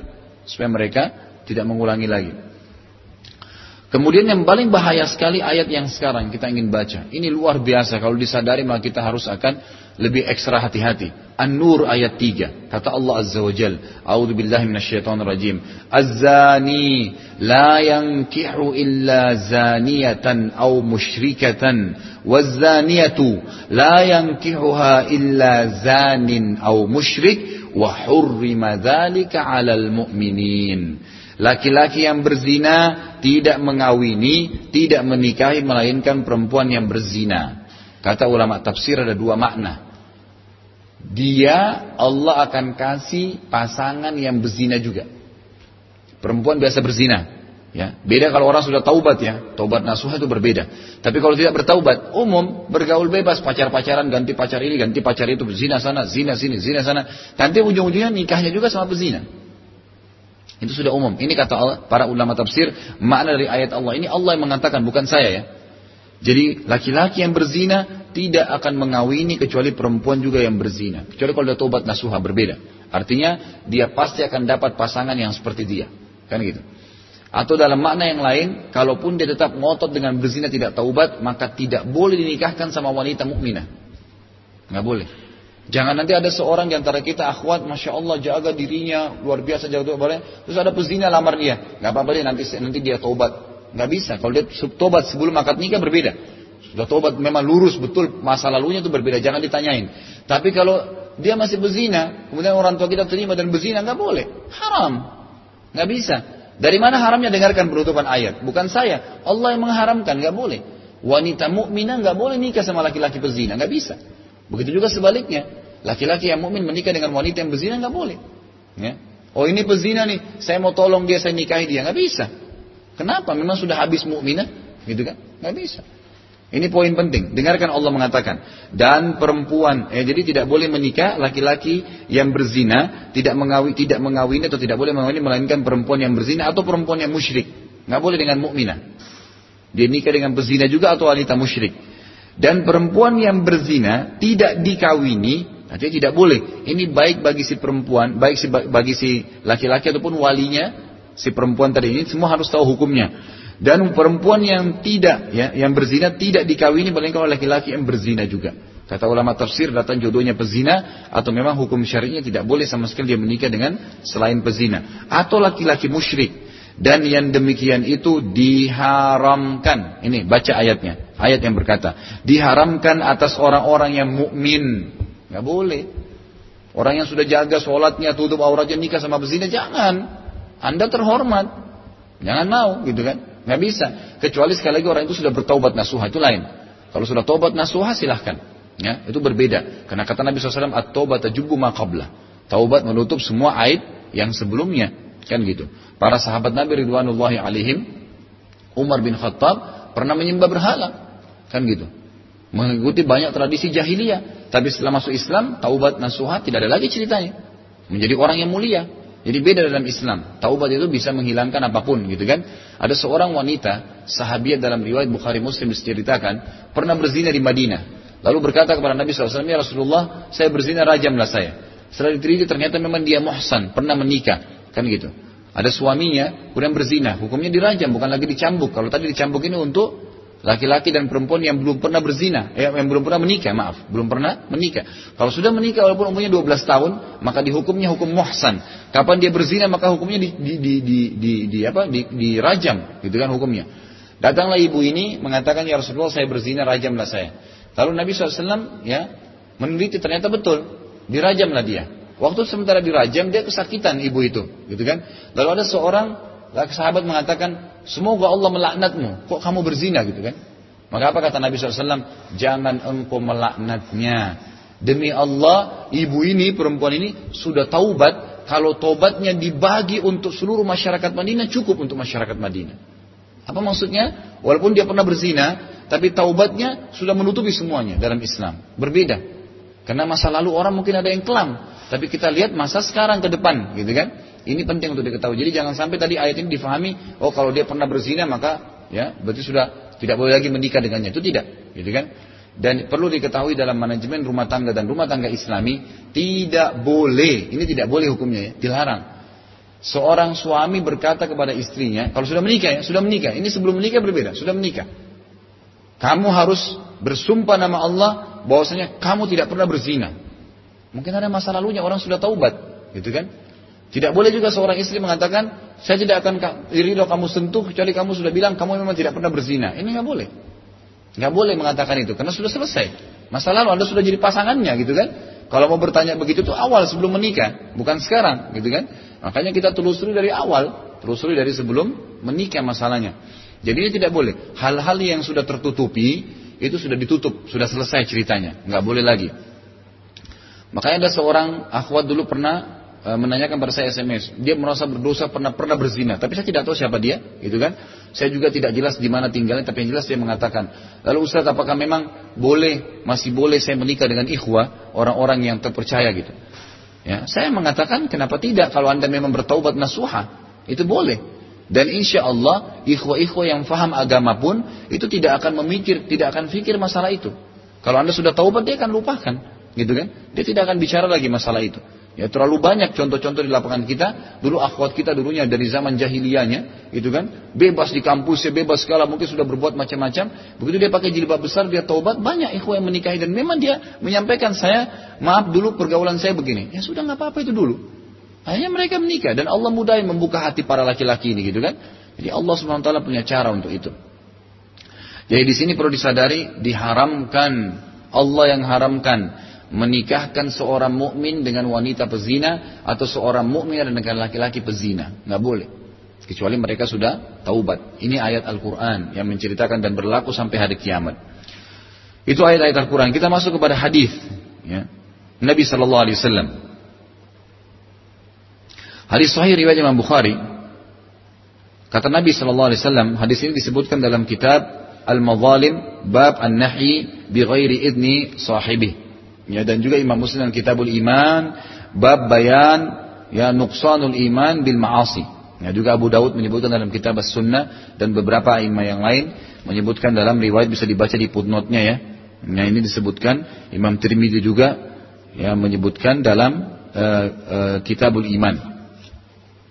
Bunyinya adalah Nabi Wasallam bersabda, ya, waktu beliau ditanya dosa apakah yang paling besar Dosa apakah yang paling besar? Maka beliau menjawab sallallahu alaihi wasallam, "Antaj'ala lillahi niddan wa huwa khalaqak." Engkau menjadikan sekutu bagi Allah tempat untuk bergantung, tempat untuk ibadah, tempat untuk meminta selain Allah. Sementara hanya Allah menciptakan kamu. Sudah pernah saya bahasakan Bapak Ibu sekalian. Fir'aun saja yang mengaku sebagai Tuhan belum pernah dia berani bilang, kuping ini saya yang buat. Gak pernah. Gak pernah sama sekali. Dia cuma bilang saya Tuhan. Namrud mengaku sebagai Tuhan, Raja zaman Nabi Ibrahim AS. Dia tidak pernah bilang, langit saya yang buat. Bahkan dia tidak pernah bilang, tangan ini saya yang buat. Tidak berani, memang karena dia bukan dia yang buat. Dia cuma dapat sudah sudah ada gitu. Lalu Nabi Ibrahim mengatakan, hai Namrud, sadarlah. Gitu kan? Tuhanmu dan Tuhanku cuma satu, Allah yang menciptakan. Tidak ada yang lain gitu. Namrud bilang tidak. Saya Tuhan. Ya. Lalu Nabi Ibrahim mengatakan, Allah Tuhanku dan Tuhanmu menghidupkan dan mematikan. Tidak ada yang lain. Lalu Namrud karena sombongnya mengatakan, saya juga menghidupkan mematikan. Dipanggil dua orang masyarakatnya, satu dibunuh, satu dibiarin jalan gitu. Dia bilang, lihat saya hidupkan, saya matikan. Ini bukan, ini cuma membiarkan orang ya tidak dibunuh saja gitu kan. Karena Nabi Ibrahim AS melihat orang ini keras kepala, Nabi Ibrahim mengatakan, Allah, Tuhanku dan Tuhanmu, memindahkan matahari dari timur ke barat. Matahari yang besar nih panas, dia pindahin dari timur dan barat. Bagaimana? Namrud gak bisa ngomong. Gak bisa. Ya, Tuhan tidak ada kecuali Allah. Maka perbuatan dosa paling besar kita menjadikan sekutu bagi Allah sementara Allah menciptakan kita. Gak bisa sama sekali. Masih pakai jimat, pergi kuburan, anggap ada keris keramat. Ini semua tidak yakin dengan Allah Azza wa Jalla. Itu makhluk. Ya, tidak ada manfaatnya gitu.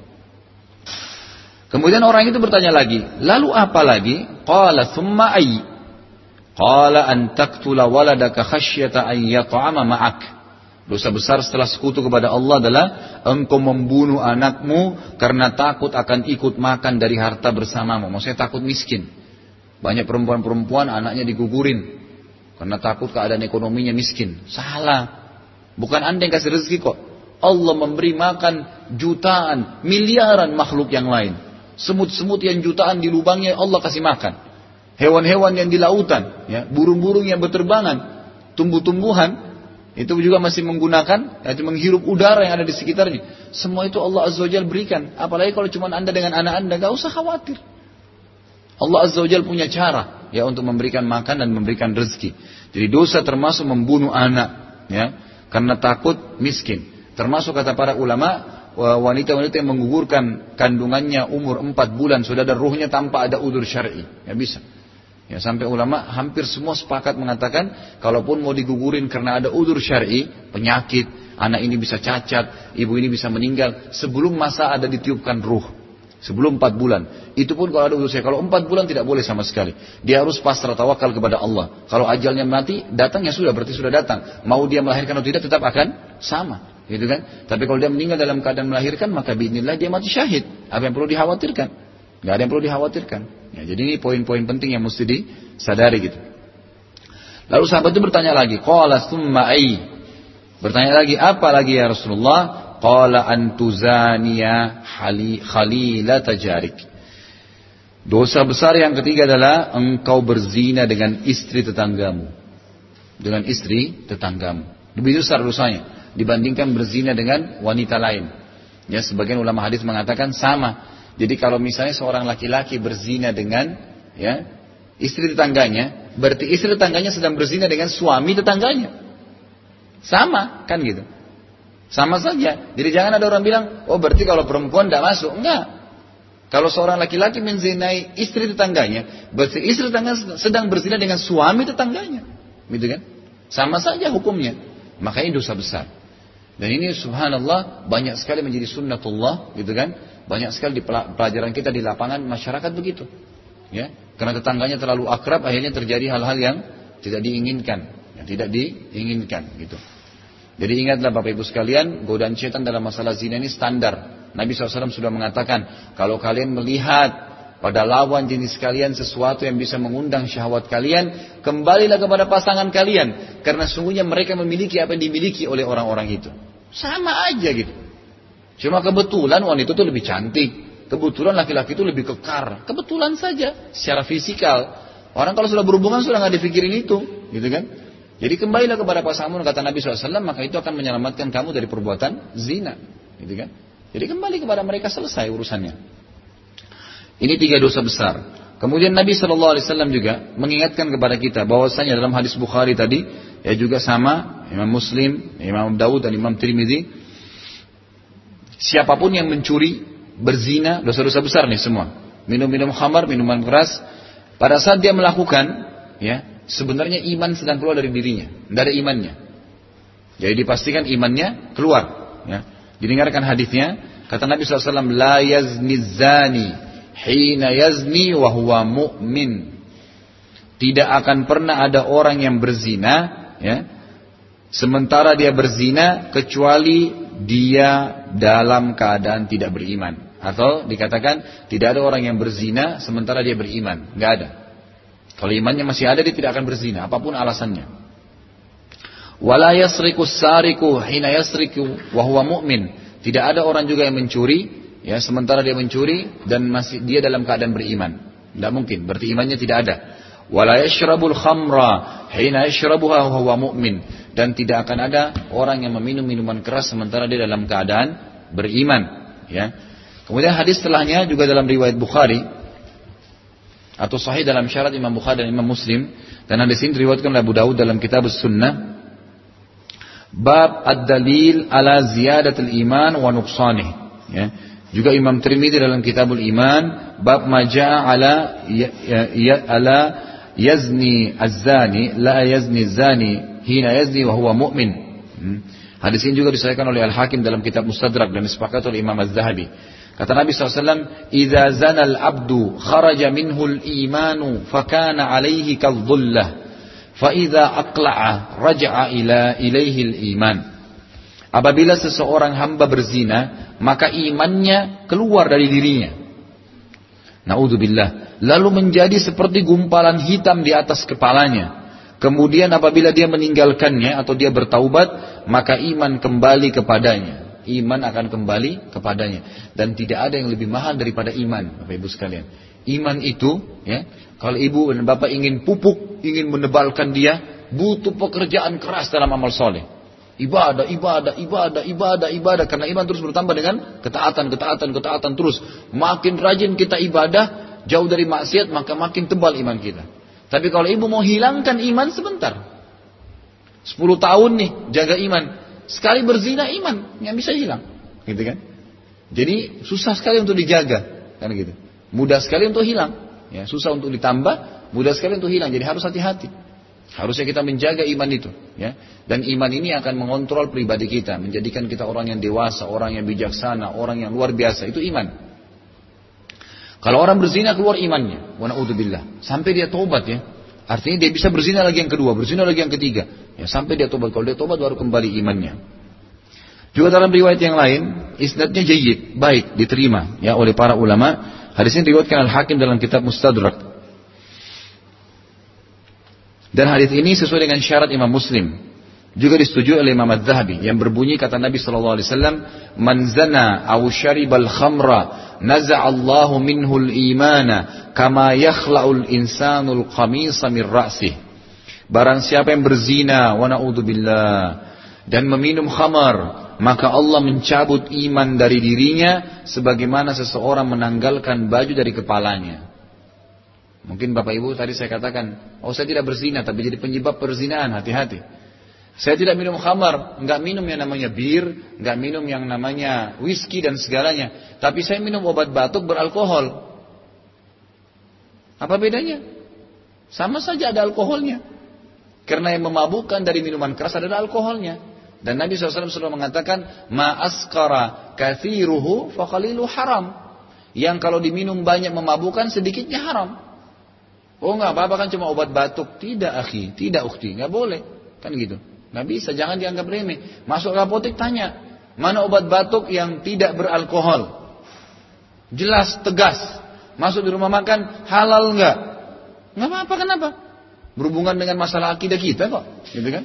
Orang bilang rewel terserah, itu nggak masalah. Daripada hubungan dengan Allah rusak, Ya, kata Nabi SAW, ada seseorang yang rambutnya acak-acakan, bajunya kotor, tidak pakai sendal, miskin sekali. Mangkat tangan ke langit berdoa, ya Allah berikan saya, berikan saya, tapi makanannya haram, minumannya haram, pakainya haram. Bagaimana bisa diterima doanya? Terus kenapa anggap remeh dengan masalah ini? Nggak boleh, gitu kan? Harus hati-hati dengan poin-poin seperti ini. Jadi jangan pernah malu. Ya, dalam masalah kebenaran, jangan pernah malu dengan masalah kebenaran. Ini mesti diketahui dan disadari gitu. Ya. Jadi di sini iman itu akan ditarik oleh Allah Azza wa Jalla, dikeluarkan sementara dia berzina, ya, atau dia minum minuman khamar. Ya, hati-hati dengan khamar ini. Ingat hadis Nabi SAW Bapak Ibu sekalian yang berbunyi Allah tidak menjanjikan kesembuhan kalian pada hal-hal yang diharamkan olehnya. Ini jelas hadisnya ya. Ini hadis Nabi SAW. Jadi jangan bilang, oh nggak ada obat lain selain ini. Emangnya dokter yang sembuhin? Allah kok. Gitu kan? Allah bisa menyembuhin Anda tanpa harus kontrol dokter bisa kalau Allah mau. Cuma kita kadang-kadang ragu berdoa sama Allah. Benar nggak ya saya bisa disembuhin kankernya? Benar nggak ya saya bisa jalan lagi? Benar nggak ya? Ragu. Ya Allah akan berikan sesuai dengan keraguannya. Yakin sama Allah. Ya Allah sembuhin penyakit saya ini. Bukan mustahil detik itu juga Allah bisa sembuhin. Kisah nyata seorang anak muda di Saudi juga lagi umroh. Matanya rabun, kacamatanya tebal rabun, nggak bisa kelihatan gitu. Setiap kali tawaf dituntun sama teman-temannya gitu. Waktu dia sudah sa'i, sementara sa'i teman-temannya lagi pada mau minum zam-zam gitu kan, dia juga minta zam-zam. Waktu dia minta zam-zam dia berdoa, diturunin kacamatanya dia berdoa, habis minum kemudian diusap matanya lalu dia mengatakan ya Allah, mudah-mudahan engkau menyembuhkan mataku sehingga aku tidak menyusahkan lagi saudara-saudaraku ini. Kan mereka pada tuntun-tuntun semua. Sudah matanya buram, dia tutup matanya sambil ambil kacamata dipasang kembali kacamata. Begitu dia buka matanya mata, jadi buram malah waktu pakai kacamata. Seketika pada saat itu. Dia bingung. Dibuka kacamatanya, terang dia lihat. Langsung dia takbir. Allahu Akbar dengan suara keras di sa'i. Jadi perhatian orang-orang semua. Allah telah menyembuhkan mata saya. Seketika. Jangan bilang mustahil. Banyak kisah terjadi dengan seperti itu. Banyak. Kalau anda berdoa belum diterima sama Allah, ya itu mungkin salah satu. Ada coba muhasabah, ada penyebabnya. Mungkin anda tidak terlalu tidak ikhlas, mungkin anda masih ada makanan, minuman dan pakaian yang haram. Bisa saja terjadi sehingga doa tidak langsung diterima. Banyak kasus terjadi. Allah terima langsung doanya, kan gitu bisa. Ya, tanpa berobat pun bisa. Oh enggak, saya kalau tidak minum obat ini saya nggak bisa sembuh. Itu perkataan anda dan Allah kan biarkan. Kata Nabi, kata para ulama dan sebagian salaf dinukil dalam athar yang sahih, Siapa pun yang menggantungkan nasibnya kepada Allah, Allah akan menjadi pencukup baginya. Dan siapa pun yang menggantungkan nasibnya pada makhluk, pada manusia, Allah akan biarkan dia dengan makhluk-makhluk itu. Tidak pernah sembuh-sembuh sudah puluhan tahun berobat. Karena selalu dokter ini ke dokter ini, dokter ini ke dokter ini. Tidak pernah bilang, ya Allah sembuhin saya. gitu. Gak minta kepada Tuhannya obat dan Tuhannya dokter-dokter itu. Gitu kan? Jadi Allah kan biarin sama manusia silakan. Butuh uang, keliling kepada manusia terus. Coba berdoa dulu.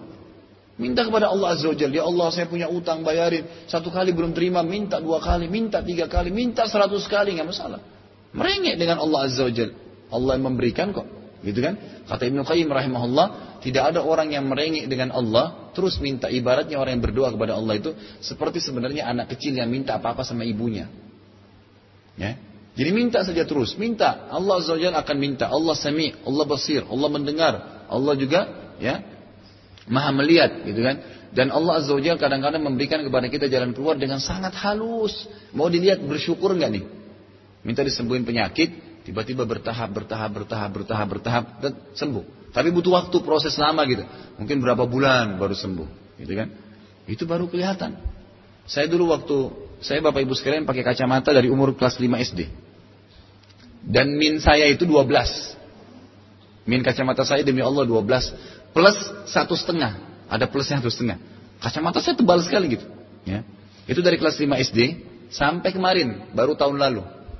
Mungkin ibu-ibu yang hadir pengajian saya tahu, ya, saya pakai kacamata tebal gitu kan. Saya dari dulu berdoa kepada Allah. Sudah lama bertahun-tahun ya Allah sembuhin penyakit saya ya Allah. Saya berikan kenikmatan supaya saya bisa lihat seperti orang normalnya gitu. Terus berdoa. Saya tidak pernah putus kalau minum zam-zam lagi umroh lagi haji lagi segala saya teburin air zam-zam berdoa kepada Allah. Belum ada hasilnya. Ternyata subhanallah saya lihat ada halus sekali jawabannya Allah itu datang. Apa yang terjadi? Setahun, dua tahun yang lalu saya komunikasi dengan paman saya di Malaysia. Komunikasi aja. Ya, saya sempat ikhtiar waktu itu mau lasik di Jakarta gitu kan. Sempat ke Jakarta Eye Center dites, ternyata oh nggak bisa pak, ini cuma bisa turun 7 min. Nggak bisa, gitu kan. Masih ada min 5, kalau misalnya mau operasi gitu. Saya nggak jadi. Pakai dites air mata, pakai dites segala gitu kan. Dan setengah mati sekali gitu waktu mau dites di sini. Diletakkan kertas kemudian agak perih gitu kan. Baik, berjalanlah waktu. Kemudian saya tiba-tiba iseng ya komunikasi dengan paman saya waktu itu paman saya udah lama ada komunikasi dengan saya Ngobrol-ngobrol-ngobrol masalah urusan kerjaan sampai ngobrol ke masalah operasi mata gitu. Lalu dia bilang, oh ada konsumen saya, kebetulan beliau buka toko furniture di Johor gitu kan. Ada konsumen saya, itu orang non muslim, tapi dia terkenal mahir sekali melakukan lasik ini. Omre cuma gitu saja. Oke baik, tolong ditanyain kalau ada waktunya. Baik ditanyalah, setahun prosesnya tuh. Setahun itu saya terus berdoa kepada Allah mudah-mudahan disembuhin mata, mudah disembuhin mata gitu kan. Tanpa putus asa, berdoa aja. Tahapannya adalah dokter ini berangkat ke Inggris ceritanya dan dia masih ngambil spesialisnya, mempelajari beberapa jenis alat yang baru tentang lasik ini gitu kan. Setelah setahun dia pulang, saya sudah tetap aja umum biasa, saya anggap sudah mungkin belum ada. Setiap kali saya telepon, oh belum datang dokternya, belum datang dokternya, sampai setahun. Setelah setahun tiba-tiba saya ditelepon sama paman saya, ini dokternya sudah ada. Dia minta janjian dua minggu setelah puasa Ramadan, setelah Idul Fitri waktu itu. Tahun lalu ini. Jadi sebelum Idul Fitri, ini kan mau masuk Ramadan. Tahun lalu saya masih pakai kacamata gitu, kan gitu. Jadi waktu itu saya dua minggu habis Ramadan saya berangkat ke sana. Berangkat ke sana, kemudian dicek mata, tiba-tiba dokternya bilang, ini bisa, bersih kok. Nggak pakai ada lagi satu minnya, plusnya juga hilang. Oh ya bisa, bisa. Berapa lama dikerja? Saya kerja paling setengah jam. Seketika. Jadi yang saya bertahun-tahun sabar itu, Allah hilangin dengan setengah jam. Gitu. Sebentar sekali gitu. Baik, saya dalam kondisi tidak percaya, cuma dicek mata saja gitu kan. Setelah itu langsung masuk ke ruang operasi, disuruh buka baju, cuma ditetes obat bius lokal di sekitar mata saya, sambil dioperasi sambil ngobrol sama dokternya. Ngomong saya ngomong sama dia tuh, ngobrol, ditanya-tanya. Selesai setengah jam mata kanan, mata kiri, selesai mata kiri sudah disuruh berdiri, silakan berdiri. Sudah sudah pulang. Pertama buram saya lihat gitu kan. Lalu dibilang di pesan jangan pakai kacamata ya. Saya nggak pakai kacamata saya gitu. Saya pegang kacamata yang tadi tebal itu dari ruang lokernya. Ini saya pakai baju saya pulang rumah paman saya. Dia bilang ini obat tetes dipakai mungkin sekitar ya tiga empat hari nggak kelihatan agak buram. Baik. Saya pulang ditetesin lah. Memang agak buram gitu kan. Waktu malam itu malam terutama habis operasi kayak agak buram. Dua hari, tiga hari, seminggu. Bifadlillah, sekarang saya bawa mobil malam, baca buku dari jarak jauh nggak ada masalah. Alhamdulillah. Berarti saya mengambil pelajaran begitu halusnya itu datang jawaban Allah itu. Allah ingin uji, syukur nggak nih, gitu kan? Bersyukur nggak? Gitu? Jadi kadang-kadang ada yang langsung dikasih seketika, ada yang bertahap, gitu kan? Ada yang bertahap. Tapi sekarang saya bisa nyadari ternyata dengan berapa tahun saya dicoba oleh Allah Subhanahu Wa Taala waktu itu, Allah bisa kok kalau Allah mau, nggak ada yang mustahil, gitu kan? Alhamdulillah, dan cukup banyak contoh berhubungan dengan masalah ini. Jadi jangan karena masalah ingin sembuh saja, halalkan yang haram. Tidak. Salah. Ingat, kata Nabi SAW, Allah tidak menjadikan kesembuhan kalian pada hal-hal yang diharamkan olehnya. Yakin itu. Oh saya sudah lama batuk dua minggu sembuh-sembuh. Kalau nggak minum yang pakai alkohol ini nggak sembuh. Keliru. Salah. Pernah ada ya seorang sahabat datang perutnya sakit, kakaknya sakit perutnya. Datang, ya Rasulullah, kakak saya sakit perutnya. Harus bagaimana? Kata Rasulullah SAW, minumlah madu, minumkan dia madu. Allah mengatakan, fihi syifa linnas, obat untuk manusia. Minum aja. Mau obat apa saja. Di, di daerah Timur Tengah, Bapak Ibu sekalian itu kalau ada orang kebelek tangannya, sobek kena pisau, itu ditaburin madu asli. Nggak pakai dijahit. Kalau orang-orang sana tuh, kalau orang-orang yang asli di padang pasir itu mereka ditaruh madu. Itu dalam berapa hari sambung sendiri. Gitu. Gak ada apa-apa. Tapi ini kita yakin nggak gitu kan masalahnya di Indonesia orang nggak yakin dengan itu, gitu kan? Ada teman saya di Syria lah, lah, lah, katakan kejadian aneh dan dia jadi saksi sendiri, ya. Ini Muhammad Khatib, teman dekat saya sekarang dosen di Libya gitu. Dia cerita dan dia masih sampaikan pada saya beberapa tahun lalu gitu. Cerita tentang fadilah madu gitu kan. Lalu dia bilang, di Syria pernah ada orang tabrakan, ini batok kepalanya kebelek gitu, terbuka. Tapi karena dia tidak tahu, dia tidak tahu kalau kepalanya ini bocor gitu, kelihatan di bagian dalamnya. Sampai akhirnya dia tetap jalan ke rumah sakit, dibawa sama keluarganya. Keluarganya nggak ada yang berani sampaikan. Diperiksa sama dokter, gitu kan? Lalu dokter lihat ini sudah nggak mungkin sembuh, kebelek. Ini begitu dia tahu mati di tempat orang ini, gitu kan? Lalu dokternya bilang ini obat minumlah, tapi sekarang jangan baring, ya. Nggak bisa dijahit, batok kepala, pecah. Gimana caranya bisa dijahit gitu? Nggak mungkin. Disatuin juga nggak mungkin. Sudah. Dokternya bilang ini minum obat dimotivasi. Ya mungkin kalau ajalnya belum datang berarti dia masih hidup. Tapi jangan tidur baring. Isi otaknya bisa keluar. Gitu kan? Ini kejadian nyata gitu. Maka satu pulang ke rumah. Salah satu keluarganya datangkan madu asli. Ini dia bilang kisah nyata. Dituang, dipenuhin di dalam otaknya itu. Dipenuhin. Dalam hitungan dua minggu batoknya bersambung. Ya. Sembuh. Ini kisah nyata dikatakan. Cuma masalahnya kita kadang-kadang pengobatan nabawi, bener nggak ya? Gitu kan? Habas obat penyakit. Saya sudah minum dua minggu gak sembuh-sembuh. Ya karena waktu minum sembuh gak ya? Ya nggak disembuhin sama Allah ragu. Minum dalam kondisi yakin. Kan gitu. Harus yakin. Kita lebih yakin dengan obat dokter. Gimana caranya? Nabi sudah bilang wahyu dari langit kok. Yang ciptain seluruh manusia dan penyakit mengatakan habbatus sauda dawa'un likulda illa sam. Hamba saudah obat untuk semua penyakit kecuali kematian. Mati aja nggak bisa diobatin. Semua berarti penyakit apa pun. Di Timur Tengah itu orang luka luar, luka dalam pakai hamba saudah. Dan saya sering tekankan banyak di jamaah saya, kalau lagi minum, lagi makan, apa saja minum kopi, minum teh, membuat sayur, buat kue, selalu taburin haba sauda. Gak usah tunggu sakit, gitu kan? Karena fungsi utama haba sauda diteliti oleh para ilmuwan muslim, para dokter muslim itu meningkatkan kekebalan tubuh. Jadi sebenarnya dia fungsi utama itu kekebalan tubuhnya yang dibantu. Maka dia akan membantu menghilangkan penyakit itu. Kembali kepada hadis tadi. Apa yang terjadi? Waktu sahabat itu meminumkan kakaknya madu, belum sembuh. Pulang lagi masjid, ya Rasulullah, ya kakak saya belum sembuh. Apa kata Nabi SAW? Sambil mukanya boleh memerah, beliau marah, beliau mengatakan, pasti Allah benar dan telah bohong perut kakakmu. Gitu. Artinya apa? Sugesti kakakmu yang salah. Gitu. Waktu dia minum madu dia harus yakin Allah yang katakan bisa menyembuhin kok. Kenapa enggak? Gitu kan? Harus yakin. Makanya dokter mengatakan kan minumlah sesuai dengan dosisnya. Kalau enggak mungkin enggak sembuh. Motivasi yang dibangun. Sebenarnya tidak ada apa-apa. Gitu kan. Ya ini poin-poinnya. Jadi keyakinan kepada Allah harus dibangun. Enggak bisa. Ya. Kalau ragu sedikit ya Allah biarin. Gitu kan. Baik. Kemudian selanjutnya hadis yang sahih riwayat Imam Muslim, kata Nabi sallallahu alaihi wasallam, "Tsalatsatun la yukallimuhumullahu yaumal qiyamah wa la yuzakkihim wa la yanzuru ilaihim wa lahum adzabun alim, syaikhun zani wa malikun kadzdzab wa 'ailum mustakbir." Ini hati-hati. Saya katakan tadi di awal pertemuan zina itu ada tahapannya ya beda dosanya anak-anak muda yang memang syahwatnya lagi besar berzina. Dosa besar. Dengan orang tua berzina. Itu bahaya orang tua ini. Lebih besar dosanya. Karena nggak ada yang memicu dia untuk berzina.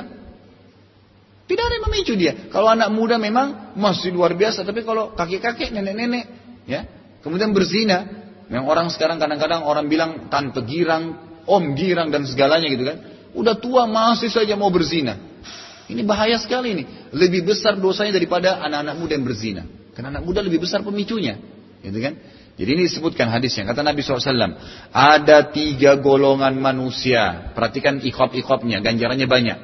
Yang pertama adalah. Allah tidak berbicara dengan mereka pada hari kiamat.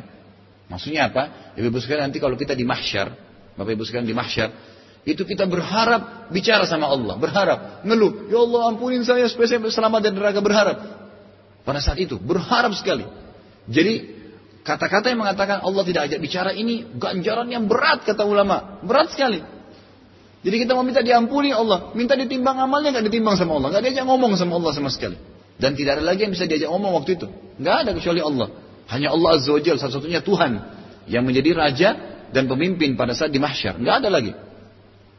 Itu yang pertama. Yang kedua, tidak akan membersihkan mereka dari dosa-dosa. Dosanya lebih berat daripada amalnya, tetap masuk neraka. Padahal bisa saja kalau Allah mau, Allah ampuni. Udah deh, mungkin dia pernah mengaku, udah habusin 10 dosanya, jadi beda satu misalnya, masuk surga. Bisa saja, Allah nggak maafin. nggak ada pemahaman dosa. Siapa mereka ini? Berat sekali nih. Sudah dua ganjarannya. Tidak akan diajak bicara. Ini ada tiga golongan nih. Kemudian yang kedua, tidak diampuni dosa-dosanya. Yang ketiga, tidak melihat kepada mereka. Allah nggak lihat mereka, nggak dipedulikan, dibiarin sendirian di mahsyar. Yang keempat, dan mereka akan mendapatkan azab yang pedih. Allah berat sekali nih, empat hukuman sekaligus gitu kan. Siapa mereka? Yang pertama, orang tua yang berzina. Udah tua, berzina. Apa ini gitu? Ya. Dia nggak butuh sebenarnya, tapi cuma ikut-ikutan, mau dibilang anak muda. Kalau orang tidak bisa menerima perkembangan fitrah yang Allah lakukan, maka orang ini tidak normal hidupnya. Maksudnya begini. Banyak orang-orang pada saat berumah tangga, saya sering dapat keluhan dari banyak istri-istri yang baru menikah gitu kan. Oh, suami saya terlalu rewel, gitu kan. Minta disiapin ini, minta urus rumah, minta urus ini, minta urus itu. Sementara saya di rumah orang tua saya tidak buat itu. Orang yang seperti ini keluar dari fitrahnya yang sebenarnya gitu. Kan gitu. Dia tidak bisa menerima, ini sudah bukan di rumah orang tua Anda. Anda sudah di rumah suami Anda dan memang ada kewajiban dari Allah. Ya. Kan? Sama halnya orang nggak bisa menerima dari anak-anak pindah ke dewasa. Kalau dia tidak bisa terima proses perubahan itu, maka walaupun dia dewasa seperti anak-anak sifatnya. Kalau orang bujang, gadis, pindah ke rumah tangga, dia nggak bisa terima, nanti dia nggak bisa jalankan rumah tangganya dengan baik. Tapi kalau dia bisa terima itu, dia punya persiapan sebelumnya maka akan bagus. Yang kita ingin titik beratkan yang sekarang. Dari masa muda pindah ke masa tua. Banyak orang tidak bisa terima itu. Maka walaupun sudah tua bergaya seperti anak muda. Gitu kan. Ini bahaya, dia nggak bisa terima. Ini sudah, Anda sudah tua, sudah selesai. Gitu kan. Makanya berbahaya sekali. Kalau orang sudah makin tua, makin dekat dengan kuburan, gitu kan, mestinya makin sadar maka di sini luar biasa. Yang paling pertama berat hubungannya hari kiamat. Adab yang pedih. Tidak dia bicara. Tidak dia maafin dosanya. Itu tiga golongan yang pertama. Syekhun zani. Orang tua yang berzina. Ini bahaya sekali. Yang kedua. Penguasa yang pembohong. Raja tapi pembohong. Untuk apa dia bohong? Presiden bohong. Untuk apa? Dia sudah punya kekuasaan kok. Kan gitu. Nggak ada pemicu untuk bohong sebenarnya. Kalau orang yang miskin takut misalnya kehilangan sesuatu yang sudah atau orang dia mencuri yang dia curi, dia bohong, ada pemicunya. Tapi seorang penguasa terus bohong, ini hukumannya lebih berat. Dan yang ketiga adalah orang miskin yang sombong. Apa yang mau disombongin gitu? Kalau orang kaya sombong ada pemicunya. Tapi kadang-kadang kita tidak sadar Bapak Ibu sekalian, ya. Mungkin kita baru pakai sepatu baru, contohnya. Sama nggak jalannya kalau pakai sepatu lama? Itu syaitan picu supaya kita sombong, gitu kan? Sengaja lebih dibunyi-bunyikan sendal sepatunya, kan gitu. Yang lebih ini dosa nggak boleh. Nah, lebih berat lagi kalau dia orang miskin, memang nggak boleh dia micu gitu kan? Nggak bisa. Ada orang yang tidak mau dibilang miskin, sengaja kalaupun uangnya ada dikumpulin beli baju yang mahal, melampaui kapasitasnya dia. Kenapa? Gitu kan? Nggak bisa, gitu kan? Ngeluar dari fitrahnya. Maka ini berbahaya. Miskin tapi sombong. Sombong perbuatan dosa besar. Kata Allah Azza wa Jalla dalam hadis Qudsi, sombong adalah pakaianku. Siapa yang coba ya menyaingiku, maka dia akan mendapat murkahku. Nggak bisa. Allah Azza wa Jalla yang satu-satunya zat yang berhak untuk sombong. Kita nggak boleh. Kata Nabi SAW dalam hadis lain, siapa yang di dalam hatinya ada seperti biji atom saja dari kesombongan tidak akan mencium bau surga. Nggak bisa. Gak yang Walaupun kita kaya, bukan berarti boleh sombong tidak. Tidak boleh sombong. Makin merendah makin bagus. Kata Nabi SAW, Man tawadha'a lillah, rafa'ahu Allah. Siapa yang merendah karena Allah, dia sudah kaya tapi dia merendah aja. seperti biasa, masyarakat, nggak ada yang perlu disombongin gitu kan? Maka Allah akan tinggikan derajatnya. Allah akan tinggikan derajatnya. Jadi ini pelajaran-pelajaran yang sangat besar yang mesti diambil sebagai pegangan hidup. Kemudian Nabi SAW juga bersabda dalam hadis yang lain, Riwayat Imam Muslim. Hurmatu nisa'il mujahidina 'alal qa'idina ka hurmati ummahatihim. Wa ma min rajulin yakhlufu rajulan minal mujahidina fi ahlihi fayakhunuhu fihim illa uqifa yahu yawmal qiyamati fayakhudhu min amalihi ma syaa fama dhannukum jadi dari sekali lagi kita kembali kepada awal pertemuan tadi kita sudah mengatakan ya kalau dosa zina bertahap-tahap. Yang paling rendah dosa besar, tapi ada tahapannya, kan gitu. Nah tadi ini juga orang tua yang berzina, beda dengan orang muda yang berzina. Sekarang beda lagi. Berzina atau menzinai istrinya mujahidin. Tadi kan ada istri tetangga ya. Itu lebih berat lagi dosanya. Ya, orang pergi jihad suaminya, istrinya diganggu. Itu lebih berat lagi dosanya. Ini hadisnya. Kata Nabi SAW, kehormatan istri-istri para mujahidin dibandingkan dengan kehormatan orang-orang yang tidak ikut perang itu adalah bagikan kehormatan ibu-ibu mereka. Jadi kalau ada seorang laki-laki sedang pergi jihad, istrinya itu wajib bagi semua laki-laki yang tidak jihad menganggap seperti ibunya. Nggak bisa diganggu, dihormati. Istrinya mujahid. Karena dia sedang keluar berjihad di jalan Allah. Itu bukan hal yang ringan gitu. Apa kata Nabi SAW? Dan tidaklah seorang laki-laki menjadi wakil pengganti dari laki-laki mujahidin dalam hal urusan keluarganya. Lalu laki-laki itu mengkhianatinya di tengah mereka. Mengajak zina istrinya. Kan gitu. Digoda, digoda, digoda, digoda sampai terjadi hal perzinahan. Atau misalnya memang dia menggunakan hal-hal yang haram. Menggunakan obat-obat syahwat dan segalanya. Sebagaimana sering kita juga saya perlu tekankan ini, anak-anak anda kalau anda biarkan, kadang-kadang mungkin dia bisa menjaga kehormatannya, tapi temannya yang jahat, diberikan obat syahwat, dibiarkan nonton film-film tidak benar sehingga bangkit syahwatnya, terjadilah perzinahan, kan gitu. Ini berbahaya sekali.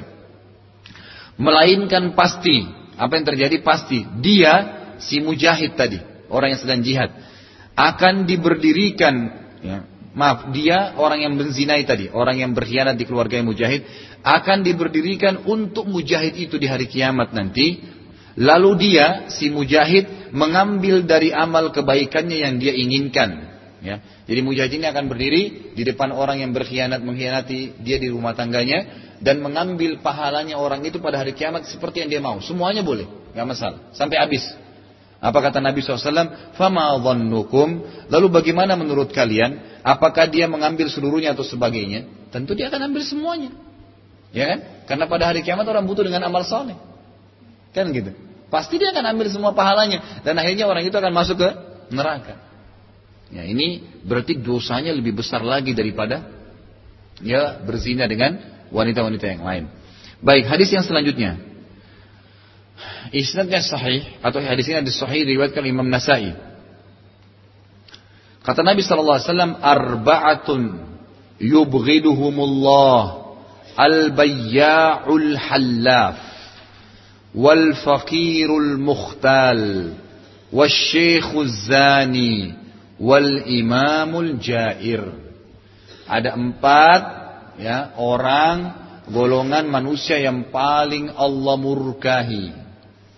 Yang pertama, penjual yang melariskan dagangannya dengan gemar bersumpah dusta. Demi Allah ini asli, dia tahu ini bukan asli. Sumpah nama Allah. Kenapa? Untuk apa? Hanya untuk orang beli barang kita? Demi Allah belum sampai modalnya, sudah sudah untung. Untuk apa? Apa manfaatnya? Apakah anda tidak sadar hasil sumpahan anda itu berhukum yang mendatangkan efek negatif dan akhirnya mendatangkan uang yang haram? Apa adanya gitu? Jual supaya ada berkahnya. Dan rezeki yang halal walaupun sedikit akan ada berkahnya. Orang yang paling Allah murkahi adalah orang pertama penjual yang melariskan dagangannya dengan suka sumpah bohong. Ini dari mana nih? Dari Indonesia. Demi Allah dari Saudi. Uh, kenapa kok harus bohong? Nih, enggak usah. Jelas apa adanya dari sini, dari sini, dari sini. Jelaskan apa adanya, nggak masalah, nggak usah khawatir. Kalau rezeki anda datang, Allah akan buat laku kok. Kemudian yang kedua wal fakirul mukhtar Mukhtal ini adalah orang fakir yang sombong. Tadi kita jelaskan. Ini Allah murkah padanya. Udah fakir sombong lagi. Nggak usah. Ya. Sedangkan orang kaya saya disuruh merendah. Apalagi orang miskin. Gitu kan. Yang ketiga. Wasyekhuz zani. Orang tua yang berzina. Laki-laki atau perempuan. Ini Allah murkai. Spontan di dunia ini. Sudah dimurkai oleh Allah SWT. Wa. Kita bisa bayangkan kalau ingin memahami dengan ini. Supaya ini agak lebih besar. Kalau kita kerja di satu perusahaan, lalu pimpinan perusahaan kita marah. Kerja dengan satu orang, lalu marah dengan kita. Pasti kita khawatir dipecat, khawatir nggak dikasih gaji, khawatir semua. Mungkin kita coba minta maaf, kita coba mencari sesuatu yang membuat dia senang. Bukan begitu? Baik. Bagaimana dengan Allah Tuhan alam semesta yang murka dengan kita? Wa na'udzubillah. Murkanya Allah berbahaya sekali. Ya. Allah pelintir saja satu urat saraf kita encok 22 bulan tidak bisa bergerak bisa. Kalau Allah mau, kita lagi jalan ke seleo. Nggak ada sebabnya. Pernah nggak terjadi? Pernah kan? Ke seleo tiba-tiba dua minggu bengkak nggak bisa jalan. Gampang sekali kalau Allah mau buat masalah dengan kita. Tiba-tiba Allah datangkan sakit perutnya malam. Diteliti ada tumor. Dari mana? Gitu kan? Secara medis, oh pernah ada makanan yang dimakan. Itu sebab saja. Allah yang mau. Hati-hati dengan murka Allah. Jangan merasa aman dengan murkahnya Allah. Ya, kata Allah SWT, "Wala ya'manu makrallahi illal qaumul khasirun." Tidak ada orang yang merasa aman dengan murkahnya Allah kecuali orang yang rugi. Merasa aman, menipu orang, berzina, apa saja dia lakukan, dia merasa aman, tidak akan akan dihukum oleh Allah. Ini bahaya. Ya. Dan yang yang terakhir adalah wal imamul jair dan pemimpin yang zalim, pemimpin yang zalim, pemimpin rumah tangga, pemimpin negara, pemimpin instansi, tapi yang paling tinggi di sana adalah pemimpin negara, ya dia berbuat kezaliman. Kata Imam Adhaib rahimahullah, zina yang paling berat adalah berzina dengan ibu sendiri. Saudara perempuan, istri ayah. Ini termasuk mahram ya. Jadi kalau ayah kita poligami misalnya atau dia nikah lagi dengan seorang perempuan, ibu ibu kita sudah meninggal, maka istrinya itu itu luar biasa sama dengan posisi ibu, nggak boleh sama sekali. Ya dan semua perempuan yang merupakan mahram bagi orang yang bersangkutan.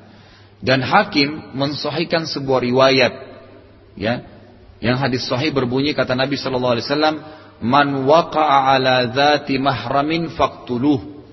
Barang siapa yang berzina dengan mahramnya, maka bunuhlah dia. Di hukumnya tadi saya katakan dibunuh. Lebih berat lagi dosanya kalau menzinai orang mahram, ya. Makanya hati-hati sekali. Jadi saya katakan Bapak Ibu sekalian umur 10 tahun anak-anak saja sudah nggak boleh seranjang. nggak boleh lagi mandi dimandikan bersama-sama, gitu kan? Ya, kalaupun sudah dewasa sudah 10 tahun biarin mandi sendiri, ajarkan dia malu, tutup kamar mandinya, gitu kan? Biarin dia dewasa, jangan digabung. Ini kadang-kadang kita masih anak-anak gadis saja masih tidur seranjang, nggak boleh. Ya, dilarang memang seperti itu. Nabi SAW mengatakan dan pisahkanlah mereka diranjang pada saat mereka umur 10 tahun. Nggak boleh ini semua dijaga. Biasakan mereka menggunakan pakaian tertutup. Cintakan jilbab dengan mereka anak-anak perempuan. Anak laki-laki cintakan busana-busana muslim gitu kan. Biarin aja. Karena pakaian itu simbol kita.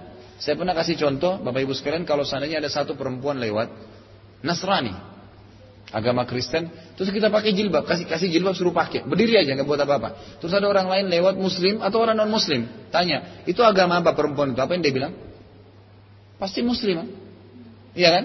Karena kenapa? Jilbabnya ada, simbol Islamnya ada. Itu simbol kita, gitu kan? Kalau seorang laki-laki Nasrani, berikan baju koko aja, nggak usah kopi ya, baju koko aja. Kasih baju koko nih, pakai, gitu kan? Kemudian biarin cuma berdiri aja. Nanti ada yang lewat Muslim atau Nasrani lewat tanya, agama apa orang itu? Dia lihat bajunya dia katakan Muslim. Kenapa? Simbol. Mestinya kita bangga dengan simbol itu. Ini enggak, pakai jilbab malu kalau jalan di mall sama teman-temannya misalnya. Kenapa? Gitu kan? Seorang ikhwah, laki-laki muslim kita malu kalau pakai baju koko. Kenapa? Apa yang mesti dimalui? Allah mengatakan walibasut taqwa zalika khair. Pakaian yang bisa membawa anda pada ketakwaan itu lebih baik. Semua wanita yang berjilbab besar atau berjilbab tutup auratnya dengan baik, malu kalau dia berkenalan dengan lawan jenis. Malu kalau dia berbuat dosa. Seorang laki-laki kalau pakai baju koko, malu. Gitu kan? Saya di mana-mana jalan pakai baju koko, walaupun kopiah saya saya tidak pakai, itu semuanya orang sudah assalamualaikum, ya kadang-kadang memberikan salam walaupun tidak kenal saya gitu. Enggak ada orang-orang kayak anak-anak muda lain yang mungkin diganggu-ganggu atau seperti apa, enggak ada, gitu kan? Karena libasut takwa akan menjaga kita kepada ketakwaan. Ya pakaian itu membantu, ya membantu kita untuk menjaga diri dari hal-hal yang diharamkan. Baik sebagai penutup dan dalam masalah ini terdapat hadis-hadis yang cukup banyak kata Imam Adzhabi di antaranya adalah hadis Al-Bara. Ya, hadis Al-Bara ini diriwayatkan oleh Imam Daud, Abu Daud dalam Kitabul Hudud, bab Ar-rajul yazni biharimihi, ya. Kemudian juga disebutkan oleh Imam Tirmidzi dalam Kitabul Ahkam, ya. Kemudian Imam Nasai dalam Kitabun Nikah, Ibnu Majah dalam Kitabul Hudud, ya, dan disebutkan juga oleh Imam, Imam Ahmad dan Asy-Syaukani berkata dalam Nailul Autar, hadis ini memiliki sanad-sanad yang banyak dan di antaranya adalah adalah yang e, para rawinya adalah rawi-rawi yang sahih, yang dipercaya. Bunyinya adalah kata Nabi e, an-nakhalat e, bukan ini Al-Bara' bin Azib, sahabat Nabi berkata, an-nakhalahu ba'athahu an-nabiy sallallahu alaihi wasallam ila rajulin arrasa bimra'ati abihi ay yaqtulahu wa yukhammis malahu. Bahwasanya seorang pamannya, paman si Al-Bara' bin Azib. Jadi sahabat Nabi yang lain, ya, ada sahabat Nabi menceritakan tentang pamannya yang pernah diutus oleh Nabi SAW. Paman saya pernah diutus oleh Nabi SAW untuk menemui seseorang laki-laki yang sedang menjadi pengantin dengan istri bapaknya. Jadi ada seorang laki-laki terjadi di zaman Nabi SAW lagi menikah, proses pernikahan terjadi. Tapi itu ayahnya meninggal bekas istri ayahnya gitu. Sementara dia muslim, orang itu muslim. Apa kata apa yang diperintahkan agar membunuhnya? Nabi suruh bunuh orang itu. Sudah nikah dengan istri ayahnya gitu kan. Dan merampas ya. Lalu membagi hartanya menjadi lima bagian sebagai ghanimah. Artinya dianggap dia seperti orang kafir. Harta yang dia miliki diambil semua dibagi untuk muslimin seperti harta ghanimah, harta rampasan perang. Ya. Ini saking beratnya menikah dengan bekas istri ayah. Ya, bekas istri ayah. Tinggal sebuah hukum saja di sini sebagai penutup Bapak Ibu sekalian Kalau seorang laki-laki menikah dengan seorang wanita Kemudian wanita itu belum digauli. Belum digauli. Masih baru nikah, kemudian cerai. Cerainya itu baik karena meninggal atau ya e, memang cerai umumnya, tidak cocok, belum bersentuhan sama sekali. Lalu cerai. Maka laki-laki ini kalau perempuan itu janda punya anak gadis, dia masih boleh menikah dengan anak gadisnya si ibu tadi. Hukum syar'inya begitu. Dia boleh menikah karena dia belum menyentuh ibunya. Tetapi kalau si laki-laki tadi sudah menyentuh istrinya tadi, ibunya anak ini, sudah berhubungan, bersentuhan kata ulama, bahkan bersentuhan apa pun, bercumbuan umum walaupun belum berhubungan badan gitu kan. Tapi yang raja adalah berhubungan badan, maka anaknya si perempuan jadi mahram sama dia selamanya. Artinya dia pun tidak boleh menikah dengan anaknya istrinya. Nggak boleh. Mahram abadi. Nggak bisa gitu kan? Walaupun dia cerai nanti, dia cerai nanti sama si perempuan itu, tetap anaknya nggak boleh dinikahi. Ya, itu disilakan anak tirinya nggak boleh dinikahi. Ya, karena sudah terjadi hubungan dengan si ibunya tadi. Maka anak ini tetap menjadi mahramnya dia, walaupun ibunya sudah bukan istri, gitu kan? Ini perlu dipahami pohon hukumnya gitu, sehingga tidak terjadi hal negatif. Nah, kalau yang seperti ini aja nggak boleh, lebih barat lagi kalau tadi istrinya si ayah itu yang disebutkan, gitu kan? Istri saya maka lebih parah gitu. Lebih parah ya. Ini penting sekali untuk diketahui sehingga tidak jadi hal-hal yang negatif, yang salah. Contoh kasus yang lain, misalnya ada seorang laki-laki Allah takdirkan dia menikah lebih dari satu perempuan. Kemudian istrinya yang terakhir mungkin masih muda. Dari istri pertama ada anaknya bujang. Mungkin lebih tua daripada istri dia yang sekarang misalnya. Oh, ayahnya meninggal. Tetap tidak boleh dia menikah dengan si ibu tadi itu. Walaupun lebih muda dari dia. Karena sudah menjadi istri ayahnya hukumnya disuruh bunuh dalam agama Islam. Nggak boleh. Kan gitu. Jadi ini poin penting yang mesti diketahui berhubungan dengan masalah hadis yang terakhir kita bahas dan hadis ini adalah hadis yang sahih. Baik sampai sini kita tutup dulu dosa besar yang ke-12 kalau ada yang mau bertanya silahkan. Bukan menjadi wali, dinisbatkan ke ibunya. Jadi kalau anak hasil zina itu nisbatnya ke ibunya. Enggak, enggak, bukan bukan menjadi wali. Bukan jadi wali. Kalau tadi yang saya bahasakan mungkin yang dimaksudkan begini. Si ibu atau si ayah sebaiknya menikahkan anaknya daripada terjadi perzinahan. Itu poinnya. Tapi kalau jadi wali nggak bisa. Wali harus ayah, mutlak. Ya. Dan ibu-ibu ini penting. Pertanyaan ibu Imas bagus ya. Banyak di antara ibu-ibu tidak paham tentang hukum ini. Taatnya seorang anak, ya, taatnya seorang anak dalam melayani kedua orang tuanya, ibunya didahulukan. Ibunya dahulukan. Misal, Ayah minta diambilin air, ya, kemudian juga ibu minta diambil air. Maka si anak dalam hukum syar'i harus mendahulukan ibunya, ngambil ibunya dulu air. dalam pelayanannya. Tapi bukan pada hal-hal yang sifatnya umum. Nggak bisa, seperti misalnya pernikahan. Ayahnya sudah setuju misalnya, ayahnya mau nikahin. Ibunya nggak setuju, tahan. Nggak boleh. Sebentar laki-laki yang datang sudah baik, nggak boleh loh itu. Ya, ini nggak boleh ibu sekalian ya. Karena kewalihan mutlak di tangan si laki-laki, nggak bisa dibantu, nggak bisa dibantai itu. Si ayah nggak bisa.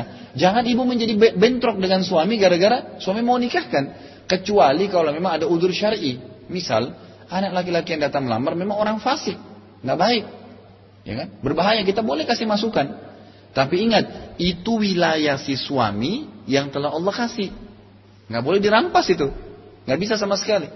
Dan bahkan Nabi SAW mengatakan ayyam amra'atin angkahat nafsaha bighairi izni waliyuha fanikahuha batil batil batil wanita mana pun yang menikahkan dirinya tanpa izin walinya, ayahnya mutlak, ayah kandungnya, gitu kan? Tanpa izin walinya, maka nikahnya batal, batal, batal. Nggak bisa. Ya. Kecuali dalam satu keadaan kata para ulama, kalau ayahnya, walinya menolak bukan dengan uzur syar'i.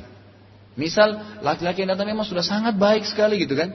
Memang sudah jelas kata Nabi SAW dalam hadis lain, "Idza ja'akum man tardawna dinahu wa khuluquhu fazawwiju, illam taf'alu takun fitnatun adu fasadun kabir." Kalau telah datang kepada kalian wahai wanita dan wahai walinya wanita, dua-duanya diajak bicara oleh Nabi SAW. Yang kalian ridhoi akhlaknya dan agamanya, bukan kekayaannya. Ya kan? Maka terimalah lamarannya, kalau tidak akan terjadi kerusakan di muka bumi.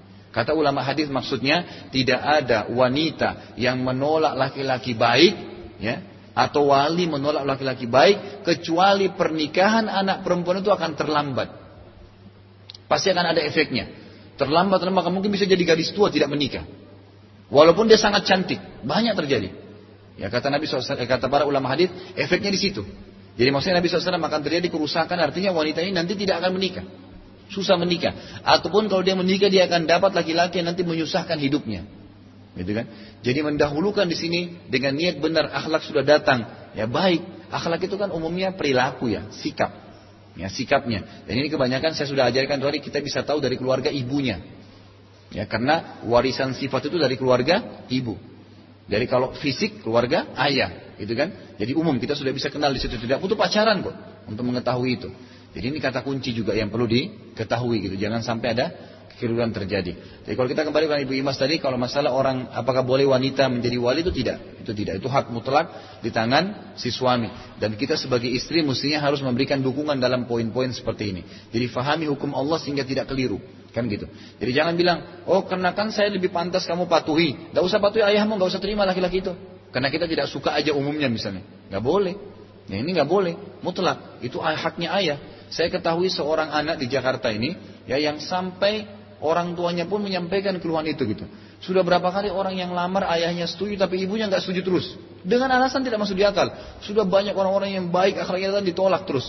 Karena alasan mungkin anaknya cantik lah, anaknya punya kelebihan, anaknya punya segala, akhirnya tidak nikah-nikah sampai sekarang gitu. Jadi permasalahan, ya. Dan perempuan itu masa produksi kan terbatas, gitu kan? Terbatas, jadi nggak masalah. Dan jangan pernah ragu menikahkan anak kita. Sekali lagi. Hukmullah disuruh nikahkan. Jangan ragu, oh masih muda, masih belum tahu enggak. Enggak ada masalah. Anak laki-laki saya belum bekerja, tapi dia sudah takut dosa. Banyak ikhwah-ikhwah kita di kampus kesian untuk mahasiswa. Ngeluh Ustaz, waktu saya bahas tentang masalah hati-hati perzinahan dengan berbagai macam dalil seperti ini, mereka ketakutan. Ustaz fitnah di kampus luar biasa gitu. Teman-teman kami datang perempuannya itu datang di kelas, duduk di atas pangkuan, goda-goda, minta nomor telepon, ngajak berzina, ngajak macam-macam, godaan besar. Dan ini manusia, tergoda gitu kan. Lalu saya bahasakan kepada ibu ayah saya mau nikah, dilarang, harus sarjana dulu gitu. Sementara dalam jiwa saya sudah gejolak gitu. Apa yang terjadi? Mereka lampiaskan di zina nanti. Akibatnya apa? Orang tua penyebabnya. Kenapa nggak dinikahin gitu? Banyak teman-teman saya di kampus Bapak Ibu sekalian dan diakui kalau di Saudi itu sangat ditahu ya. Kampus kami di Madinah itu mata, mata pelajarannya banyak sekali. Hafalannya banyak gitu. Ya, hafalannya banyak sekali. Kita tidak kurang dari 14 sampai 18 mata pelajaran itu per tahunnya harus diselesaikan. Itu banyak sekali dan hafalan-hafalan yang banyak gitu. Kan gitu. Banyak teman-teman kami itu masih mahasiswa kelas tingkat satu nikah, selesai kuliahnya nggak masalah. Ada orang bilang oh terganggu kuliahnya enggak. Dukung dia, buatin program. Kan gitu. Bisa. Oh belum punya kerjaan, coba anda berikan modal, tuntun. Apakah berarti sarjana baru bisa berbisnis? Tidak kok. Kan gitu? Tidak, bisa saja kalau memang sudah sampai pada titik darurat. Kalau dia masih bisa ngontrol diri, alhamdulillah gitu kan. Tapi kalau tidak jangan, ini berbahaya sekali. Jadi harus disadari juga jangan sampai terjadi hal-hal yang seperti ini gitu. Karena banyak sekali keluhan itu Bapak Ibu sekalian. Mungkin orang tuanya tidak tahu ya, tapi membahasakan ke saya mahasiswa itu banyak sekali. Hampir semua keluhan laki-laki, apalagi ikhwah yang sudah sudah multazim ya, dia udah mulai kenal agama gitu, udah mulai sholat di masjid. Memang dia sudah khawatir kena dirinya kena fitnah gitu. Maka dia ingin sekali menikah, tapi masih ditahan oleh orang tuanya. Kenapa?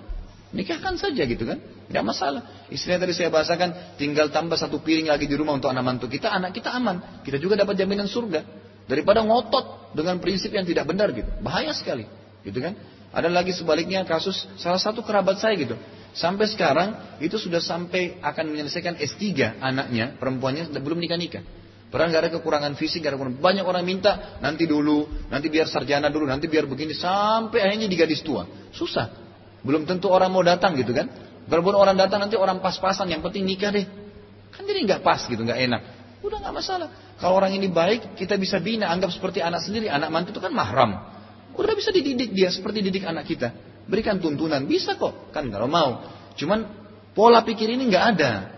Pola pikirnya bukan begitu. Terlalu kolot dengan hal-hal yang keliru gitu. Jangan terikat dengan masalah-masalah yang salah yang bisa membuat kita keliru nantinya. Ini beberapa poin berhubungan dengan pertanyaan tadi yang kita bisa kembangkan. Itu bu ya. Ada yang lain? Enggak, enggak, enggak, enggak. Itu keliru. Saya tidak bilang begitu. Oh iya, kalau dibilang di sini saya nggak bilang ya. Hmm. Ya itu itu pemahaman yang sangat keliru, sangat keliru. Pertama, dia salah dalam menafsirkan ayat Al-Quran itu. Pertama sekali. Ya, itu itu ayat membahas tentang masa menyusui, bukan masa hamil. Kan gitu. Kalau masa empat bulan, hadis sahih riwayat Bukhari. Kata Nabi SAW, kalau sudah berumur empat bulan, kan gitu. Atau berumur kurang lebih beberapa hari, empat bulan dari masa, ya, dari masa terbentuknya, maka Allah akan mengutus malaikat meniupkan ruhnya. Berarti pada saat itu, ya, terhitung. Kalau sudah berbentuk sebagai manusia, maka tidak boleh lagi ada hal-hal yang lain. Ini yang dimaksudkan dia istimbat daripada hadis Bukhari tadi. Kalau dia menafsirkan ayat dari masalah menyusui itu keliru, nggak bisa seperti itu. Dari mana dalilnya gitu kan? Itu masa menyusui, istihad yang keliru. Ya, nggak bisa. Jadi hadis-hadis menjelaskan banyak sekali. Kemudian Nabi SAW juga melarang, ya, tidak dalam hadis Sahih dikatakan wanita yang hamil tidak boleh dinikahi. Dalam hadis lain juga dikatakan tidak boleh salah seorang di antara kalian tidak halal bagi kalian menimpahkan benihnya di atas benih saudaranya. Nggak boleh. Jadi dia kalau menikah dalam kondisi hamil berarti berhubungan biologis lagi sama pasangan barunya. Tertimpalah dengan spermanya yang baru. Itu nggak boleh. Itu haram dalam hadis banyak. Kan gitu. Jadi jelas hadisnya. Jelas ya? Oh masalah bolehkah wanita dinikahi dalam kondisi hamil sementara dia belum 4 bulan? Gitu pertanyaannya. Kalau itu kembali kepada hadis, wanita yang hamil tidak disebutkan masalah berapa bulannya. Wanita yang hamil tidak boleh dinikahi. Walaupun, walaupun nggak bisa. Kalaupun laki-laki itu juga dia boleh nikahi setelah melahirkan. Dalam hadis lain dikatakan sampai ia meletakkan bayinya, nggak bisa.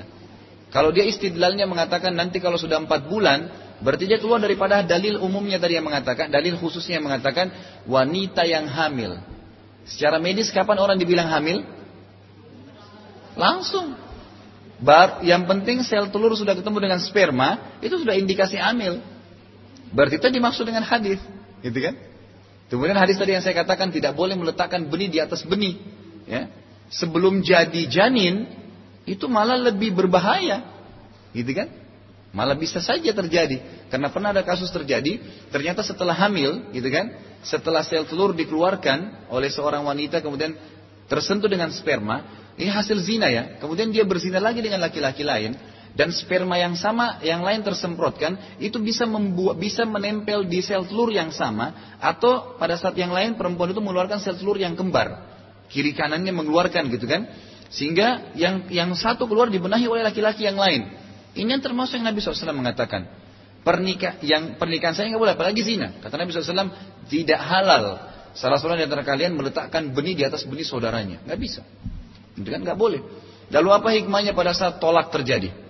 perceraian. Kenapa ada tiga bulan, tiga kali masa haid? Untuk memastikan ya tidak adanya benih tersisa dari suami yang lama. Dan kata ulama hadis, kenapa tiga bulan? Kenapa nggak sebulan saja? Karena bisa saja terjadi setelah digauli sekarang, tiga bulan kemudian baru kelihatan hamilnya. Bisa terjadi. Dia masih haid. Makanya ada perempuan sudah hamil tapi dia masih haid. Gitu kan? Terjadi banyak. Gitu kan? Banyak terjadi. Nah ini poin-poin. Jadi harus kembali kepada khususnya hadis. Bahwasanya wanita yang hamil. Dan kalau kita tinjau hamil itu tertinjau pada saat semenjak sperma tersentuh dengan sel telur. Bukan 4 bulan. Kalau tadi yang 4 bulan itu masalah mengguguri atau menggugurkan kandungan. Kemudian tadi kasus masalah apa? E, apa e, ditiupkannya ruh di situ. Ya ini semua baru masuk di masalah 4 bulan. Jadi kalau saya Allah alam itu keliru, ya memahami itu sangat keliru. Karena dia berarti akan sama saja akan membuka nanti pintu yang sama. Oh, ternyata kalau masih satu bulan atau dua bulan masih boleh nikah. Sama aja. Kalau begitu nggak apa-apa, zina aja dulu. Kan gitu. Banyak sekali anak muda begitu. Orang tua tidak setuju, saya zina aja dulu nggak masalah. Kan gitu. Ini keliru. Allah alam. Jadi kembali kepada hadis hamil, gitu kan? Jadi pertama indikasi hamil itu terjadi. Ada yang lain? Taubat kepada Allah Azza wa Jalla. Semua yang pernah terjadi yang lalu kalau kita baru menyadari sekarang itu salah, taubat kepada Allah SWT dengan taubat nasuha. Selesai. Itu jawabannya. Nggak ada yang lain. Ya, nggak ada yang lain. Karena tidak ada jalan lain. Loh iya, sudah sampaikan hukumnya. Dan semua tidak ada jalan lain kecuali taubat. Dan kata ulama hadis yang dimaksud dengan taubat, tajubbu ma qablaha, taubat itu akan mengampuni dan menutup semua yang lalu, termasuk kata ulama aib-aibnya. Jadi bukan cuma dosanya ya, tapi aib-aibnya Allah akan hapuskan. Ya, jadi memang taubat sudah menutupi semua itu biidznillah taala. Karena orang mungkin banyak tidak tahu hukum sebelum. Tapi yang jelas ini adalah hukum syar'i. Kalau sudah terjadi pada diri saya, jangan terjadi pada anak saya. Banyak orang terjadi Bapak Ibu sekalian karena dia dulu waktu nikah, pacaran, sampai berzina sampai dan ternyata akur-akur aja gitu kan. Berarti nggak apa-apa anak-anaknya juga. Keliru itu, kan gitu. Keliru. Pasti ada cobaannya, nggak mungkin. Pasti ada cobaannya. Pasti rumah tangga yang dimulai dengan perzinahan atau maksiat pasti ada cobaannya, nggak mungkin. Artinya pasti berat, gitu. Ada sesuatu yang kadang-kadang dia tidak sadari. Penyakit lah, pertengkaran lah, ya masalah dengan mertua lah, masalah dengan dan tidak ada orang yang mulus aja baik kecuali semuanya baik. Ya. Saya tahu seseorang, masya Allah menikah dengan seorang yang lain, ya, salah seorang sahabat dekat gitu kan. Pada saat dia menikah, dengan cara baik, dengan cara syar'i, tidak pernah kenalan sebelumnya, langsung melamar, ini juga terima orang tuanya juga mudahin walinya, kemudian menikah, Masya Allah sampai sekarang luar biasa rumah tangganya mereka. Nggak pernah ada pertengkaran, nggak pernah ada ribut, sama mertuanya baik, semuanya lancar-lancar saja. Dan tidak ada orang yang pernah berzina sebelumnya, pasti ada saja masalah. Ribut ini, masalah ini, masalah itu, ada saja masalah yang datang gitu kan, pasti ada. Dan kita harus peka. Makanya para ulama salaf mengatakan, saya bisa mengetahui kalau saya punya dosa, itu kalau seandainya kaki saya tersentuh dengan batu dan sakit. Bayangin tuh, lagi jalan kesentuh batu. Kita jalan ke, lipat sama karpet, sakit. Itu sudah tanda berarti saya punya maksiat, ada salah. Saya melihat saya punya maksiat dan saya harus taubat kepada Allah pada saat saya lihat perubahan di pasangan hidup saya dan kendaraan saya. Kuda yang mereka tunggangi. Tiba-tiba merontak, tiba-tiba masalah. Berarti ada masalah tuh. Istighfar kepada Allah. Kata kuncinya satu, taubat nasuha. Dengan tiga syaratnya. Tinggalkan langsung. Sesali dan berjanji sama Allah tidak akan mengulanginya. Dan dosa-dosa yang pernah kita kerjakan Bapak Ibu sekalian. Wajib ditutupi. Wajib ya. Nggak boleh diceritain. Jangan diceritain, nggak boleh. At-tasattur menutupi aib dan dosa itu sunnah dalam agama Islam. Nggak boleh. Dan kita pun kalau tahu ada perbuatan itu kesalahan aib dalam pasangan kita, saudara kita, jangan diceritain ke orang lain. Ditutupi. Kata Nabi SAW, Man satara musliman, satarahullah yawmal qiyamah. Siapa yang menutupi aib seorang muslim, maka Allah akan tutupi aibnya pada hari kiamat. Oh suami saya pernah salah, istri saya pernah salah, gitu kan. Lalu mereka sudah bertaubat, udah selesai tutup buat kita saja, nggak perlu ke sana sini gembar-gembor gitu. Ya ditutup, maka Allah akan tutupi juga aib kita pada hari kiamat, karena kita juga punya banyak kekurangan, gitu kan. Jadi intinya adalah taubat nasuha biidznillah taala akan terhapuskan. Baik, ini terakhir Bu ya. Menikah dua orang wanita perempuan bersaudara.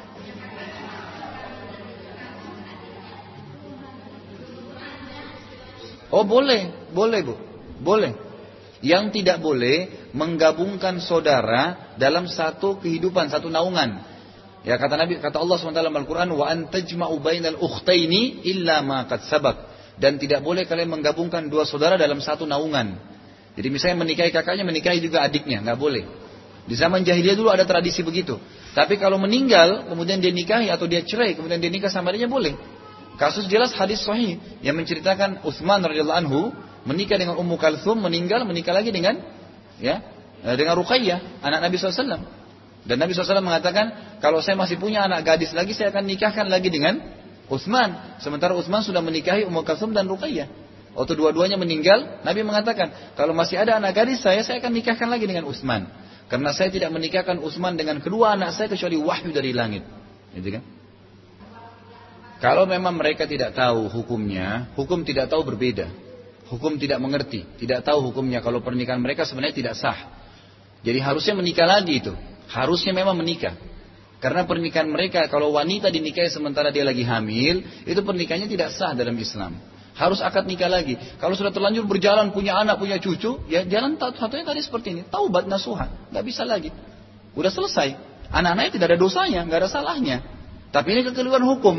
Jangan karena ini kita mau tutupin, ya udah deh nggak apa sudah terjadi. Lalu kita nggak jelasin hukumnya nggak bisa.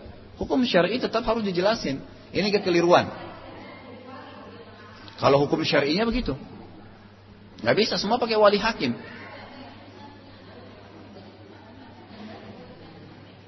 Nggak bisa. Itu tidak dihitung sebenarnya, karena pernikahannya tidak sah awalnya. Tapi dia karena tidak tahu, tidak dihitung berzina. Iya, dia harus kalau dia sudah tahu hukumnya harus akad nikah baru, nggak bisa. Ya itu kalau hukum syarinya begitu nisbatkan ke ibunya. Makanya setelah didialogkan di pengadilan agama di Indonesia, maka keluarlah hukum itu. Dinisbatkan kepada ibunya. Semua yang lahir tanpa ayah itu diambil istimbat dari kasus Nabi Isa alaihissalam. Nabi Isa dikatakan Isa ibnu Maryam. Tidak ada ayahnya kan? Maka bukan karena kasus zina tidak, tapi maksudnya semua yang tidak punya ayah nggak jelas maka dinisbatkan kepada ibunya hukumnya, gitu kan? Jadi seperti itu kurang lebih gambaran. Kalau mau kembali kepada hukum yang benar, gitu kan? Ya?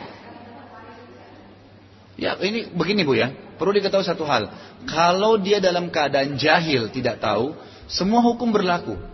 Warisan dapat, nggak masalah. Itu kan berarti dia tidak tahu hukumnya.